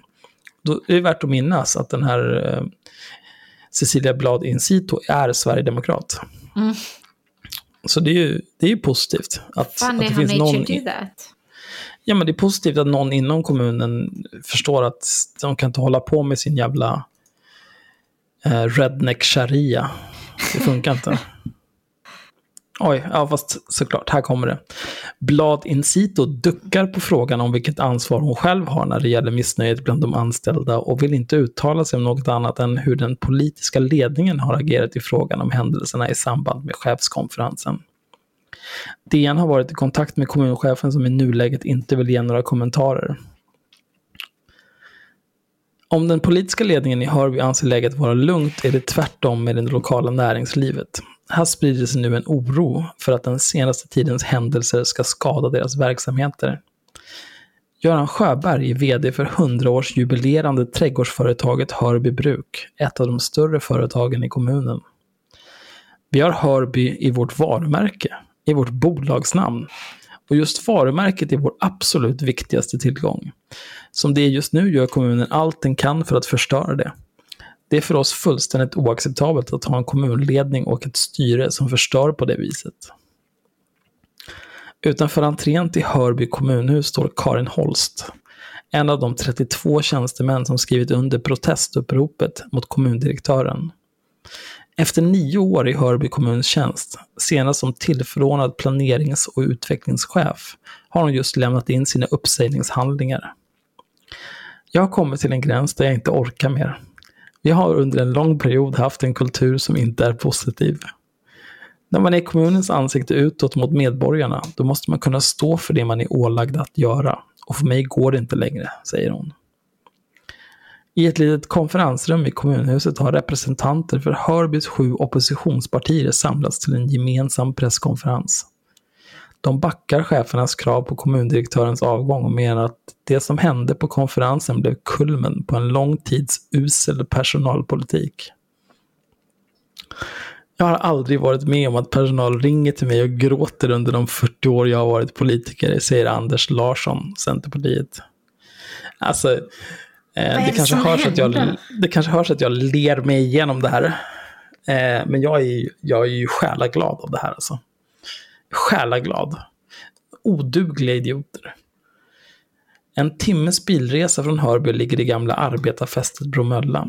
Här blev SD näst störst i förra valet och fram till den 10 september styrde partiet i minoritet med stöd av, kan ni gissa vilka två partier?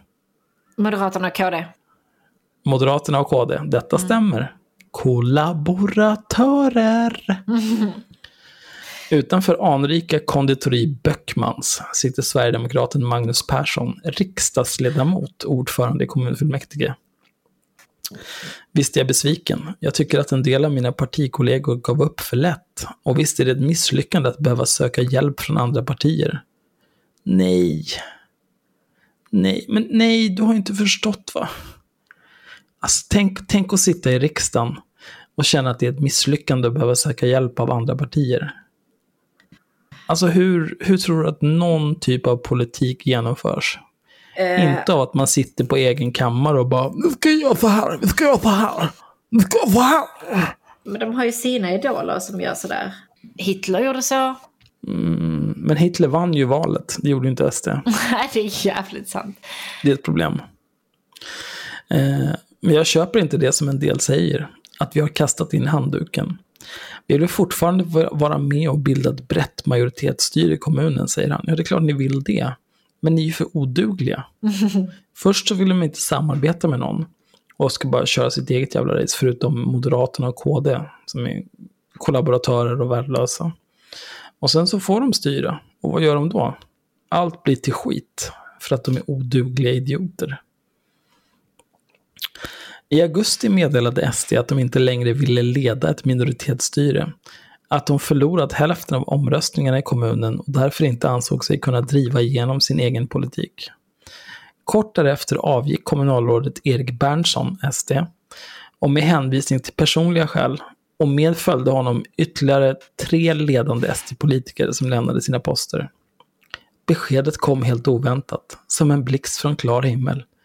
I det läget valde vi att lämna alla våra ordförandeposter i nämnderna och gå i opposition vi kan heller inte sitta kvar och styra en politik som inte kan påverka, säger Magnus Persson. Gå i opposition? Mot vad? Ni hade ett minoritetsstyre tillsammans med Moderaterna och Kristdemokraterna. Vad är det ni går i opposition emot? Ni jävla åsna. Fatta att han sitter i riksdagen, den här jävla idioten. Alltså. Alltså, jag, jag spyr. Jag spyr på de här människorna. Nu står kommuner och de 12 000 invånarna utan styre sedan drygt en månad. Dessutom med ett budgetunderskott på drygt 25 miljoner. Ja, vem har kunnat ana det? Alltså det är... Åh, oh, gud. Ja. Ja, det är en sån jävla tragik alltså. Alltså vilket jävla skräp som helst får ju lov att ramla in och leda skiten. Det är så jävla galet. Ja. Men det där är ju också ett problem för Sverigedemokraterna. Ehm, för att när de... Från eh, 2014 till 2018 så mer än dubblade de ju. De gick från 5,7 procent till 12,8 om jag minns rätt. Ja, låter bekant. Och, och det ledde ju till att det liksom många tomma stolar. Och det är därför det sitter en massa jävla nassar på SD-stolar. För att de personkryssades in.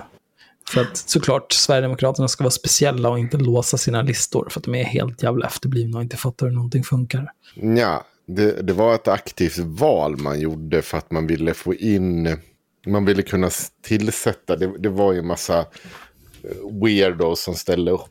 Eh, och man ville egentligen ha tillgång till så mycket jävla mandat som möjligt. Och då slank ju de här nazisterna med. Eh, både 20... Nu ska vi se, 2018 var det någon som slank med då. Nej, men 2014 var det väl mesta. Då tror jag det var Svenskarnas parti i Säter. De försvann ju visserligen ganska fort. Ja, och sen var det Nordiska motståndsrörelsen i både Ludvika och eh, Borlänge. Ja, han uh, tufftjockisen sitter väl där. Eller satt väl. Satt. Nej, vad heter han? Han som blev så jävla tillrättavisad av en polis som inte hade någon typ av tålamod med honom. När han stod med sina coola handskar och var ball. Ja, nej, det är ju, vad heter den andra? Eh, Per Sjögren. ja, men det är Per Öberg och Per Sjögren. Ja, Per, per Öberg var det. Ja, Fattar inte varför alla nassar måste heta Per. Så jävla onödigt. ja, i alla fall. Eh, kommunstyrelsens första vice ordförande Jenny Önnevik, Socialdemokraterna, leder tillfälligt kommunstyrelsens arbete och har just kommit ut från ett sju timmar långt sammanträde i kommunhuset. Varje dag utan styre är en dålig dag och nu har det gått två månader sedan kommunalrådet avgick. När ingen har majoritet blir det många diskussioner och svårigheter att komma till beslut. Och det är såklart jättenegativt för kommunen, säger hon. I nuläget är inga andra partier beredda att ta över ledarskapet. Samtidigt som bakslagen drabbat SD i Hörby och Bromölla har partiet under mandatperioden också vunnit ny skånsk mark. I januari 2020 tog Sverigedemokraterna över styret i Bjuv, traditionellt S-fäste. Här styr partiet nu samverkan med Moderaterna och en avhoppad ledamot från Liberalerna. Fuck you. Men det här är ju också, alltså det här är ju anledningen till att jag har hopp om Socialdemokraterna, även om jag tycker att det är ett jävla skitparti just nu. Alltså den politik de, är liksom den, den jävla ton de har haft de senaste åren. Det finns inte en ansats till egen politik, utan det är bara reaktiv smörja på vad som kommer från SD och Moderaterna och, och resten av kollaboratörerna. Men det här, SD kraschar en kommun genom sin inkompetens och sin totala oduglighet. Då är det en sosse som går in och börjar styra upp. Det är det som skänker hopp om att dels eh, vi kan överleva. Låt SD ta över hela skiten, bränna ner allting till grunden. Då kanske det kan komma fram någon politiker, oavsett om de är sossar eller inte, men det kanske kan komma fram någon som är kompetent, någon som har någon typ av vision, som kan börja styra upp. Jag skiter i om det är en sosse, det spelar ingen roll. Men det där, kan har vara du fått moderat. på, hörru, Axel, det där har du fått på bakfoten. Mhm. Världens, eh, ett av världens mäktigaste länder styrs av någon med en konstant pågående äh, hjärnblödning i fyra år. Det är ingenting som säger att SD med den laguppställning de har nu skulle på något sätt köra landet i botten rakt av. De skulle förmodligen kunna försämra internationella relationer, man skulle kunna ställa till med en jävla massa jävelskap, men att köra landet i botten, det gör man inte så enkelt. För det första så är det där marknaden tenderar att eh, styra upp en hel del. Eh, för att eh, eh även fast marknaden kan ju vara lika mycket skräp så den vill den ju gärna rädda sig själv. Så den kommer ju inte låta liksom ett parti köra den i botten hur som helst om de inte går in och typ lagstiftar att de inte får göra vissa saker. Det är en grej. De har ändå så... Det är, de är inkompetenta i mångt och mycket. Men de har bättre kompetens inom partiet nu än vad de har haft tidigare. Och det har de ju jobbat extremt målmedvetet. Därför har de ju bara peta bort en massa jävla ufon som de ogillar. Eh, och det, den interndemokratiska gången där, det kan man ju diskutera och hur, hur rimligt det är. Och den, det är ju skit samma, för där kastar man ju folk till höger och vänster bara de kan se professionella ut på pappret. Eh, och sen är det det här att det, jag skulle säga att det, det blir ju skillnad också på förvalta och att eller, fast det sa det väl visst, men, men jag tänker att för det sossarna är duktiga på, de är ju duktiga på, extremt duktiga på att förvalta en kommun, förvalta makten. Men att driva makten framåt, att vara progressiv, att gå liksom, två steg före, det har man ju blivit totalt oduglig på. Och, och det är ju... Jag tror inte att det kommer komma något nytt parti bara så, för det, det tror jag är en för stor omdaning. Utan det behöver hända någonting även inom svensk vänster där det, det, de får sig en ordentlig jävla törn internt. Och att det, det liksom börjar om. För de behöver ta sig samman. Ja, de behöver ta sig mm. samman. Men, men just det här att splittra sönder sossarna och tror att du kommer få ut, du kommer få ut 47 partier då. Det är ingen som har pratat om att splittra sossarna. Eller ja, jag vet inte. Vad heter han, reformisterna? Men det säger inte han heller. Utan jag menar, det jag menar att du sa att det skulle liksom bränna ner och sen skulle det komma något nytt ur askan. Och jag tror inte att det kommer komma ett nytt nej, ur askan då. Nej, men det spelar ingen roll vad som kommer ur askan. Det, kommer, det som kommer ur askan kommer vara bättre än det vi har idag. Där vi har liksom Sverigedemokraterna som är ett fascistparti. Mm. Fullt av idioter. Inkompetenta idioter. Och sen har vi liksom kollaboratörerna i Moderaterna och Kristdemokraterna. Och sen har vi liksom marknadsivrarna, Centerpartiet och Liberalerna. Eh, vi har Vänsterpartiet som ingen bryr sig om. Som för övrigt har en ny partiledare som eh, inte vet vad anarkism är för någonting. Eh, det var extremt deprimerande. Inte för att jag är anarkist, men jag vet vad anarkism är för någonting. Eh, jo, men det var också någon anarkist som svarade ganska roligt på dem. Som satt och gjorde sig hölustig över att, vad heter hon, Nooshi Dagostar. Uttalar det ja. rätt? Hon hade ju sagt någonting om, om eh, att anarkister, anarkister vill inte ha ett samhälle. Ah, hon säger väl att de inte vill ha en, typ en stark stat. Det är väl ganska mycket innebörden. Men då, det var någon som sa, för det var ju en bunt folk som satt och hånade det där. Och att hon var så här, kolla vad korkad hon är. Och så var det någon bara som var, och jag tyckte det var mest rimliga alltihopa. Ja men vad då hade ni tänkt att hon skulle liksom eh, ta till beaktande att inte kränka en obskyr liten milliprocent av alla väljare som är liksom, sitter och babblar om att de är anarkister. När majoriteten av de som ens säger inte absolut inte skulle kunna leva i den typ av värld. Och det håller jag med om. Det, här, det var jo, bara... fast samtidigt är det så här, det är, det är intressant att eh, ta en så stark stance mot anarkism. För vad vinner man på det? Det är ju precis lika korkat som att så här, ja men jag ska försöka vinna de här väljarna. Det är ju lika korkat att försöka alienera dem. För att det, det, antingen spelar de ingen roll eller så spelar de roll. Ja, men det är också så här inbildningssjukt tycker jag att så här, för hon har ju en poäng i det. Eh, hon är för en ganska stark stat. Är du anarkist ja, det är klart, hon är för en stark stat? Nej, anarkister vill inte ha någon stat.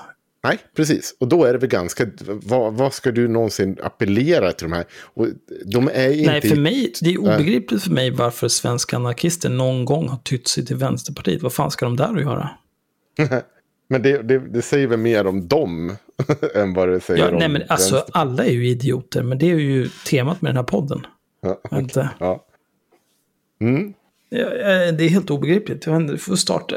Det finns väl anarkistiska partiet eller någonting. Varför anarkister ska rösta på Vänsterpartiet det är ju helt efterblivet. Det vore mm. bättre om de röstade på typ Centern eller Liberalerna. ja, det, det hade det nog. Det, det ligger ju närmare, ja. tycker jag. Ja, men nu, som sagt, jag är inte så insatt. Vi får ta med Mattias Våg så får han berätta varför vi har fel. Mm. Eller varför vi har rätt, vem vet. Ja. Eh, men du sa någonting annat dumt. Mm.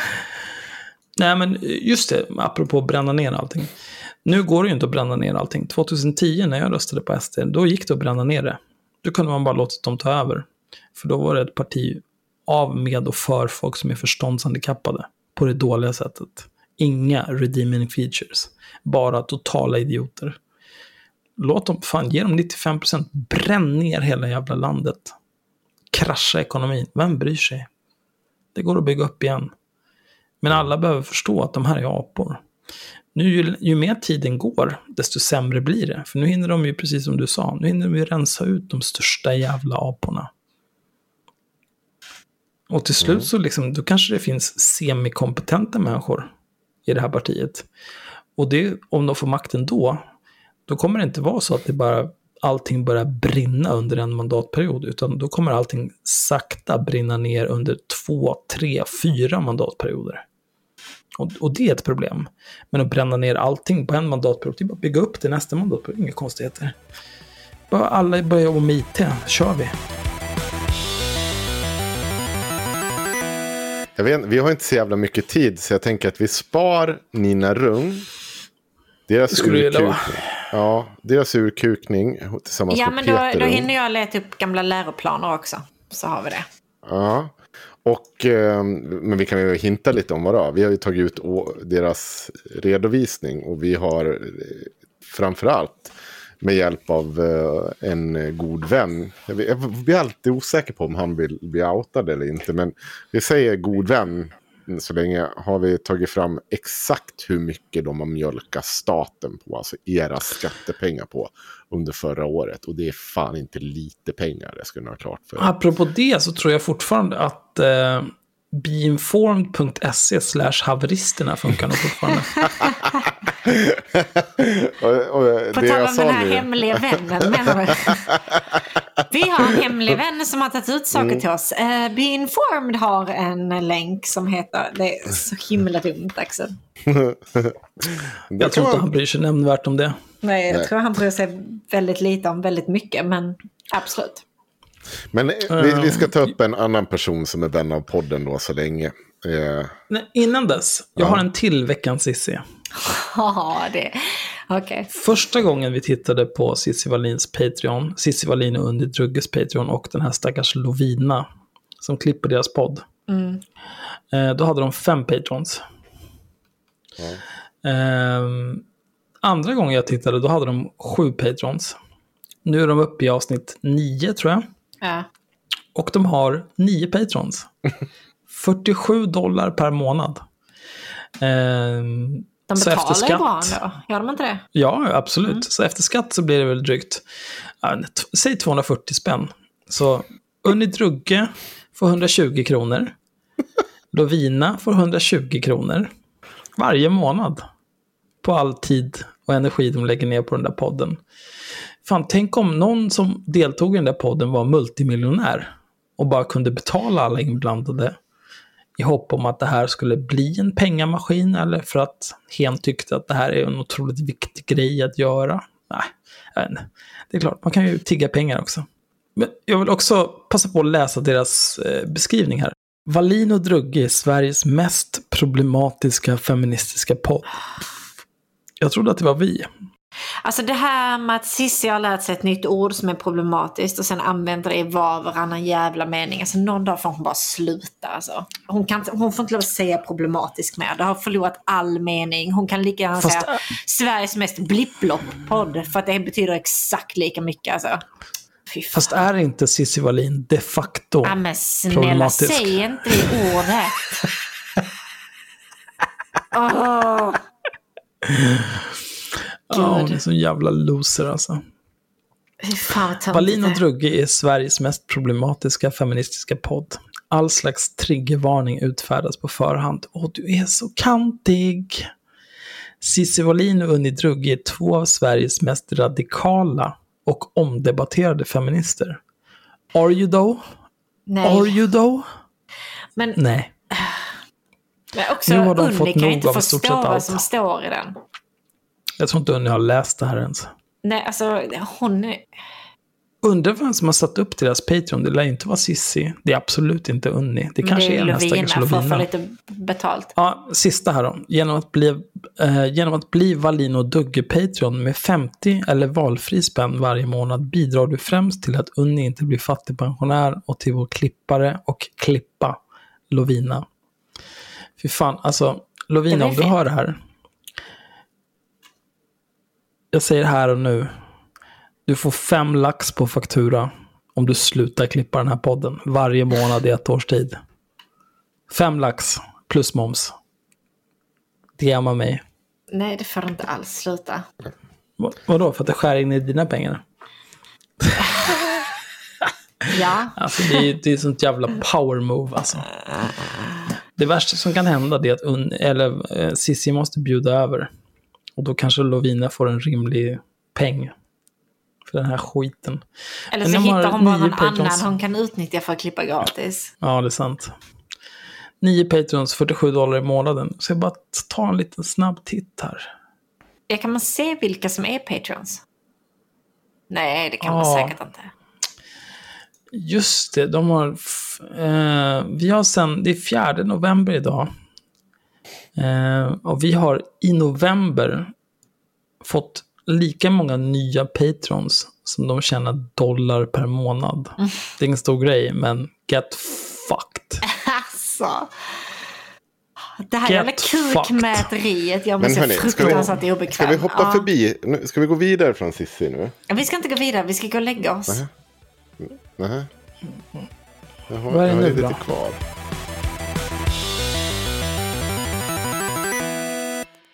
Jag ska lä läsa en text för er. Okej. Är den här texten länkad någonstans ni- eller måste vi bara lyssna på Nej. dig? Ni ska bara lyssna på mig. Okej. Mm. Ni ska få höra några minuter så här. Och så ska ni få berätta för mig vad som är fel med den här texten. Jag, ska, jag ska blunda samtidigt. Mm. Ingrid Carlqvist och Maria Selander inför rätta för hets mot folkgrupp. Idag ställs journalisten Ingrid Carlqvist och Maria Selander inför rätta vid Helsingborgs tingsrätt. Åtalade för hets mot folkgrupp. Detta efter att de publicerat en text på sin hemsida som enligt åklagaren uttrycker missaktning mot muslimer. Journalisten Ingrid Carlqvist och Maria Selander driver en hemsida och publicerar artiklar, insändare och krönikor. I juli förra året publicerades en text som Ingrid Carlqvist själv kallar en insändare, skriven av en person som uppger sig vara kroniskt sjuk och beroende av mediciner. I texten spekulerade skribenten i om att hur apoteksanställda med muslimsk tro kan tänkas prioritera andra muslimer för att få medicin i händelse av en hypotetisk samhällskollaps, med slutsatsen att personer som inte är muslimer riskerar att stå utan medicin. I artikeln, problemati I artikeln problematiseras avregleringen av apoteksmonopolet som beskrivs som en del i agendan att förvandla Sverige till en sharia-stat. Redan dagen efter texten publicerades polisanmäldes den och på måndag stod Ingrid Carlqvist och Maria Selander inför rätta i Helsingborgs ting tingsrätt. De åtalade menar istället att texten faller inom yttrandefrihet. Jag hoppar lite här.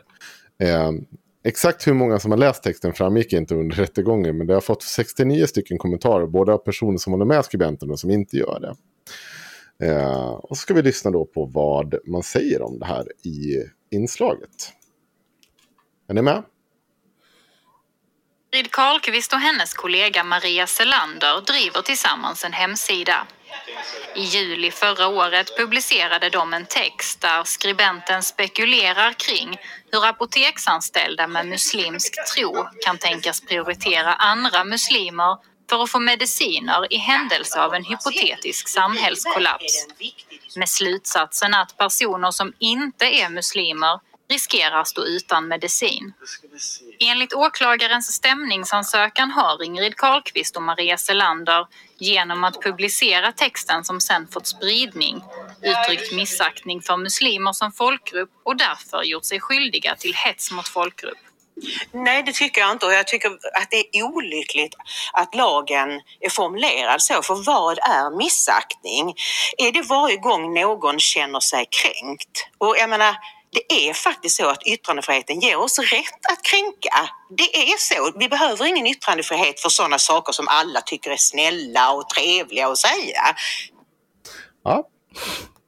Är det någon va? som vill ge sig på och berätta Nej, vad, vad som är Alltså, fel i det här? Allt. Eh, Mm, men jag, jag tänker mer på Yttrandefriheten är alltså till för att få lov att kränka folk. Är det det hon sitter och säger? Ja, och det har Ja. väl till viss del en poäng i. Är den till för det? För att få lov att sitta och kränka? Kanske inte, men För nej, där- kanske inte specifikt Där, den kullen kan jag dö på om du vill diskutera det. Men jag, jag det vet ingår ens, ju åtminstone i yttrandefriheten. Eh, Ja visst, kränk om du vill. Men Mm. det är inte därför den finns. Eh, Jag, jag vet inte ens var jag ska börja här. De har alltså hittat på ett hypotetiskt scenario. Där det finns någon typ av undergång i Sverige. Där alla apoteksarbetare helt plötsligt är muslimer som vägrar ge ut medicin till icke-muslimer. Jajamensan. Det, Ja. Jag läste den där texten när den kom. Eh, Mm. Det där är det sjukaste jag har hört. Va, va, hur tror de på detta? Vilken typ av vård, på vilken sluten anstalt ska de få för det här? Jo, men det här är ju en... snä- snä- Det här är ju en antisemitkärring som liksom jag vet har mycket väl vem Ingrid Carlqvist är. Ja, ja, jag vet i- vem det liksom- är. Det, det, det spelar ingen roll, hon behöver ju buras in någonstans. Det här kan inte Om du blir Patreon fortgå. så kan du väl lyssna på när, eh, kan du lyssna på när Ingrid Carlqvist eh, spekulerar i om eh, in, Palme verkligen dog och inte bara blev Oj, smittad av bögpest. bögpesten och blev utkörd via ett franskt flygplan från eh, Borlänge flygplats. Så Men alltså, jag vet inte om jag tycker att det här är den stora. Att hon måste buras in. Alltså det, sådär, man kan inte gå runt och tycka det här. Var det inte någonting mer ni hörde som ni tyckte var fel i den här texten?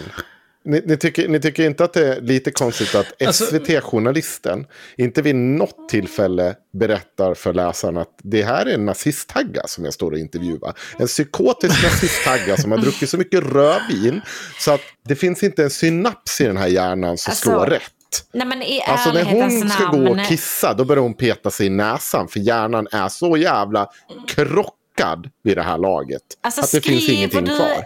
Skriver du en sån här artikel och detta plockas upp av SVT så känns det Mm. så fruktansvärt överflödigt att ta upp att det här är en galen nazistkärring. För det är så uppenbart bara. Det finns liksom ingenting som är mer uppenbart än detta.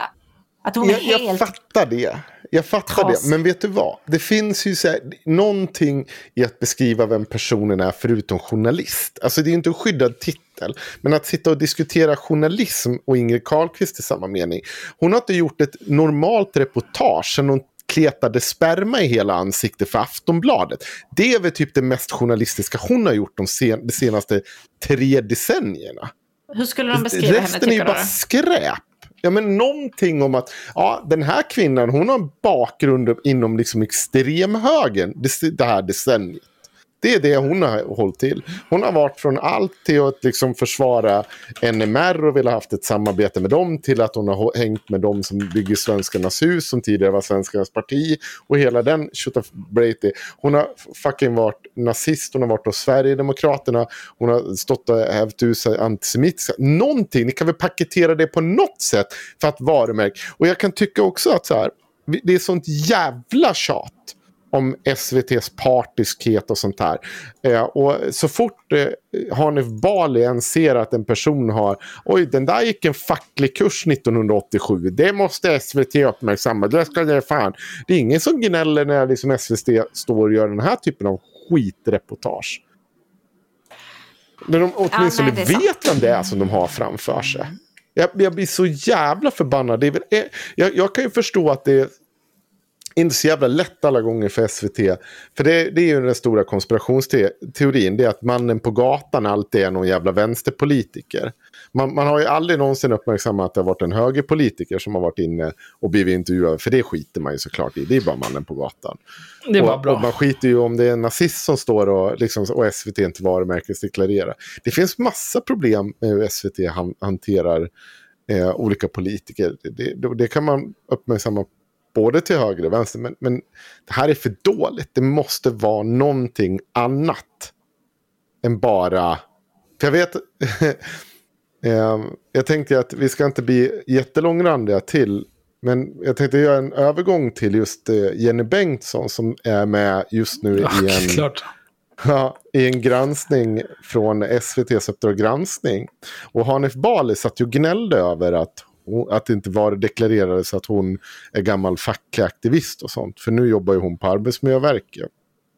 Eh, Och det stämmer ju att Jenny Bengtsson, som ni, eh, ni lyssnare kanske känner till för att hon var med på Gardets ett tag. Hon har varit eh, fackligt aktiv i hundra år och hej och hå. Hon lyckas alltid hamna i centrum av en, olika typer av orättvisor. Det är hon jävligt duktig att vara. Men just i det här reportaget så hon, var hon med Eh, under corona när man skulle bestämma sig om Sverige skulle ha, eller ett boende skulle, ett äldreboende skulle införa eh, tvång på masker. Så var hon med när det här togs upp. Och det finns en massa oegentligheter menar Uppdrag granskning och Jenny Bengtsson själv. Eh, och eh, hej och hå, det var jobbigt. Eh, kan vara värt att titta på tycker jag. In, in, liksom, det var intressant reportage.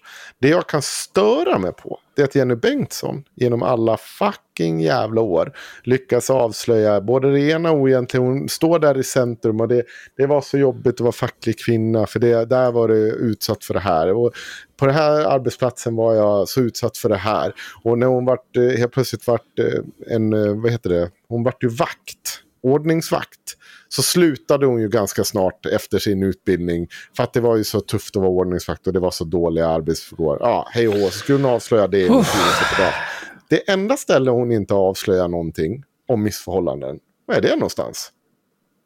Gardet. Gardet, ja. Att där är, vad är de uppe i nu? 15-20 kvinnor som har hoppat av. Och gud vet hur många av dessa som har pekat på missförhållanden. Där har Jenny Bengtsson bara stått. Nej, jag vet inte. Jag har inte sett någonting. Har inte hört det... någonting. Vet ingenting om det här. Vi inte pratat om det här. Jag går på Cissi Wallins fest sen här och grattar henne för sin bok. Och woohoo! Allt är så jävla bra. Såg ingenting när jag var på gardet. Allting. Jag vet ju att hon har sett och dömt ut de här andra kvinnorna. Där vart hon helt blind helt plötsligt. Av alla jävla sammanhang då hon har varit med och berättat om hur hon har på, liksom, upp, påvisat de här orättvisorna. Gardet! Nej. Nej, jag vet inte. Jag såg ingenting. Där fanns ingenting. inget. Vi pratar det är så om det himla tokigt. Ska jag tänka aldrig säga ett ord om det här nu. Då går vi. Men alla andra ställen här i världen. Men, men hon är ju en klassförrädare. Ja. Eh, så att... Ja. Eh, jag, jag, undrar, det skulle vara intressant att få höra hennes förklaring till varför hon är så här. Eh, det måste ju vara en kombination liksom av ett sjukligt eh, uppmärksamhetsbehov och samtidigt någon, någon, någon eh, panisk ovilja att stöta sig med makten.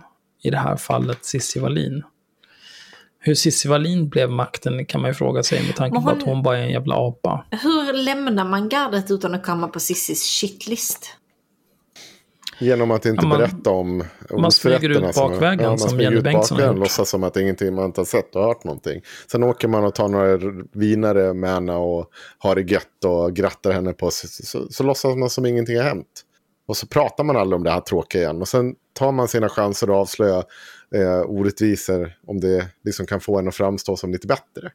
För det här är ju lite jobbigt att av, som feminist avslöja en annan feminist att den begår liksom serieövergrepp på tredjepartsfeminister. Det är, det är ju ingenting man vill. Det är inte så roligt. Nej. Om att man själv har varit en del av det. Och snacka ner de här feministerna. Det vill man ju inte heller prata om. Det är ju tråkigt. För då måste man ju ta på sig ett eget ansvar. Måste jag man ta ansvar? Jag, jag, sett det här på... Jag tvivlar inte på Jenny Bengtsson, att det hon har sett och hört. Jag, jag, tror på henne. Jag tror också på många av de grejerna som hon varit med om tidigare. Det är ingenting jag säger. Jag bara tycker att det är sinnessjukt.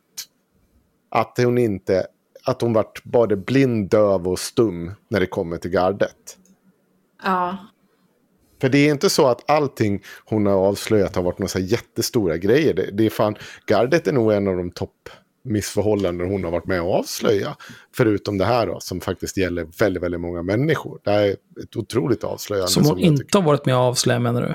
Mm. Ja, nej, ja. Jag hoppas folk fattar vad jag menar. Ja, Ja, nej, men det var det. Om det. Om inte ni har något mer. Je eh, Jenny Bengtsson är en råtta. Mm. Ja, jag är väldigt sass att hon inte har eh, grejer om gardet. men shit ja. vad deras hemsida är. De har fortfarande inte fixat den här grejen som överlappar hela textjäveln. Jo, de, de, har ju faktiskt lagt ut. Hörru, de har lagt ut att nu eftersöker de en ny frilansperson som ja. ska gå in och kunna deras Squarespace. Så nu är det en ny stackare som ska bli blåsta på ju, pengar av gardet. Alltså, vi vet ju att Cissi lyssnar på det här. Det är bara fixa ja. hemsidan. Alltså, jag orkar inte med detta. Ring mig Jag finns överallt där man kan söka på mitt namn. Och så ring mig så fixar jag detta till dig. Alltså på riktigt, jag orkar inte. Eller skicka ett mejl till haveristerna på Men det tar mig två Vi kan ta- minuter att fixa nej, nej, nej, nej, nej, Sanna, vad fan håller du på med? Ja, men jag det, här, väl betala det här är ju betalt. 40 timmar, 40 timmar minimum. Nej, men jag vill att, jag vill Cissi betalar sidan. mig svart så jag kan prata skit om det i podden sen. Jaha, nej, jag, jag vill ha lite ingående moms i bolaget. Eftersom Patreon stjäl alla våra momspengar. Så är det. Men okej, Men- förstör allt. Jag, Visst. säga, eh, jag tänkte passa på, vi är klara nu va? Och vi vill gå och lägga Ja, oss. nu räcker det. Jag vill bara passa på att tipsa om eh, mina gamla kollegor också, även i den här podden. Eh, de heter eh, Magnus S.R. Bengtsson och Kristoffer Gummesson. Och de har startat en ny podd som heter Från Platon till Twitter. Och anledningen att jag sitter här och skryter upp dem, det är för att jag faktiskt genuint tycker att det är en bra podd. Eh, och eh, det är mina polare, jag vill hjälpa dem att komma igång. Eh, väl värt att lyssna på. De är... De, De är gjorde inte rasismen-podden förut, kan ja, du ju säga. precis. Det gjorde de också. Men de är jävligt duktiga på det här. Det jag, jag är mest imponerad över dem, för det, det har jag alltid velat lärt mig lite själv. Det är att de är så jävla duktiga på det här med att göra manus och få det att låta så jävla snyggt och flytande. De är liksom, tar upp Ja, Jag kommer ihåg när vi, när vi var hos dig och de satte sig och skrev ett manus och gick ut på verandan och spelade in ett avsnitt. Det var... Mm. Ja, de De, har både skit. en podd och en Patreon. Och de släpper också Patreon-exklusivt material. Unna er. Mm. Jag tycker att man ska stötta dem. I alla fall ge det en chans att lyssna på dem till att börja med. Det tycker jag ni gör Ja. rätt i. Tyckte ni att IRM-podden var bra så tycker ni nog att det här är bra. Ja. Så är det. Och sist men inte minst måste vi pusha för Kristoffer Svanströmers merch. Som han fixar åt oss. honom alltså. Jag är så jävla trött på honom. Så att han tjänar lite cash. Ja, ni får passa på fattiga- att ta den här säsongens merch innan eh, det blir dags för nästa säsong. Mm, Det är bara, det här är, nu efter det här är det bara sju avsnitt kvar av den här säsongen. Sjukt. Det har gått fort. Ja, det går fort när man har roligt. Ah, gud. Jag skär kuken av mig. Eh, men i alla fall, det här var avsnitt 93 av Haveristerna. Jag heter fortfarande Axel. Jag är fortfarande sur. Nej, det Henrik är heter fortfarande inte. Henrik. Nej, jag är inte sur. Nej, jag vet. För du är så lättövertalad. Lättövertalad. Det handlar inte om att vara... Ja, ni får lyssna på det senaste. Patreon-avsnittet. I alla fall, eh, det finns en hel del Patreon-avsnitt att lyssna på om man inte är Patreon redan. Eh, om man redan är Patreon så kan man ju överväga om man har råd att sluta vara en snål horunge och betala för varje avsnitt och inte bara en dollar i månaden. För att jag har inga som helst betänkligheter till att höja till 5 euro i månaden för alla för att få ta del av det här. Var solidariska nu. Dega. Bra. Och i övrigt har jag ingenting att säga. Och så kommer det Henrik massa bra Henrik, Patreon den här månaden. Blir Och vi kommer spännande. spela in den 11 november. Och sen efter det kommer vi spela in den 21 har jag för mig. Eller 23, någonstans där. Eh, och sen ska vi försöka ha någon typ av eh, qa stream i slutet av månaden. Precis som vi hade i slutet av oktober. Det kanske är 11 och 20. 11 och 20. Då kanske vi hinner ett till avsnitt där. Det vore ju gott. Mums pengar. Men det beror ju på. Eh...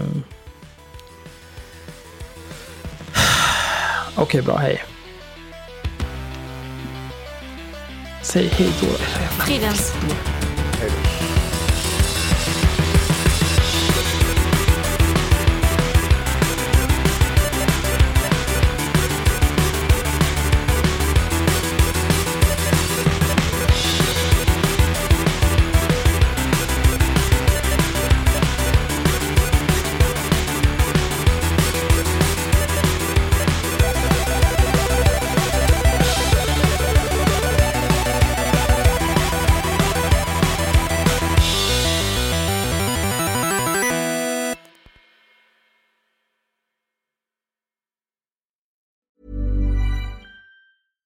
Selling a little or a lot?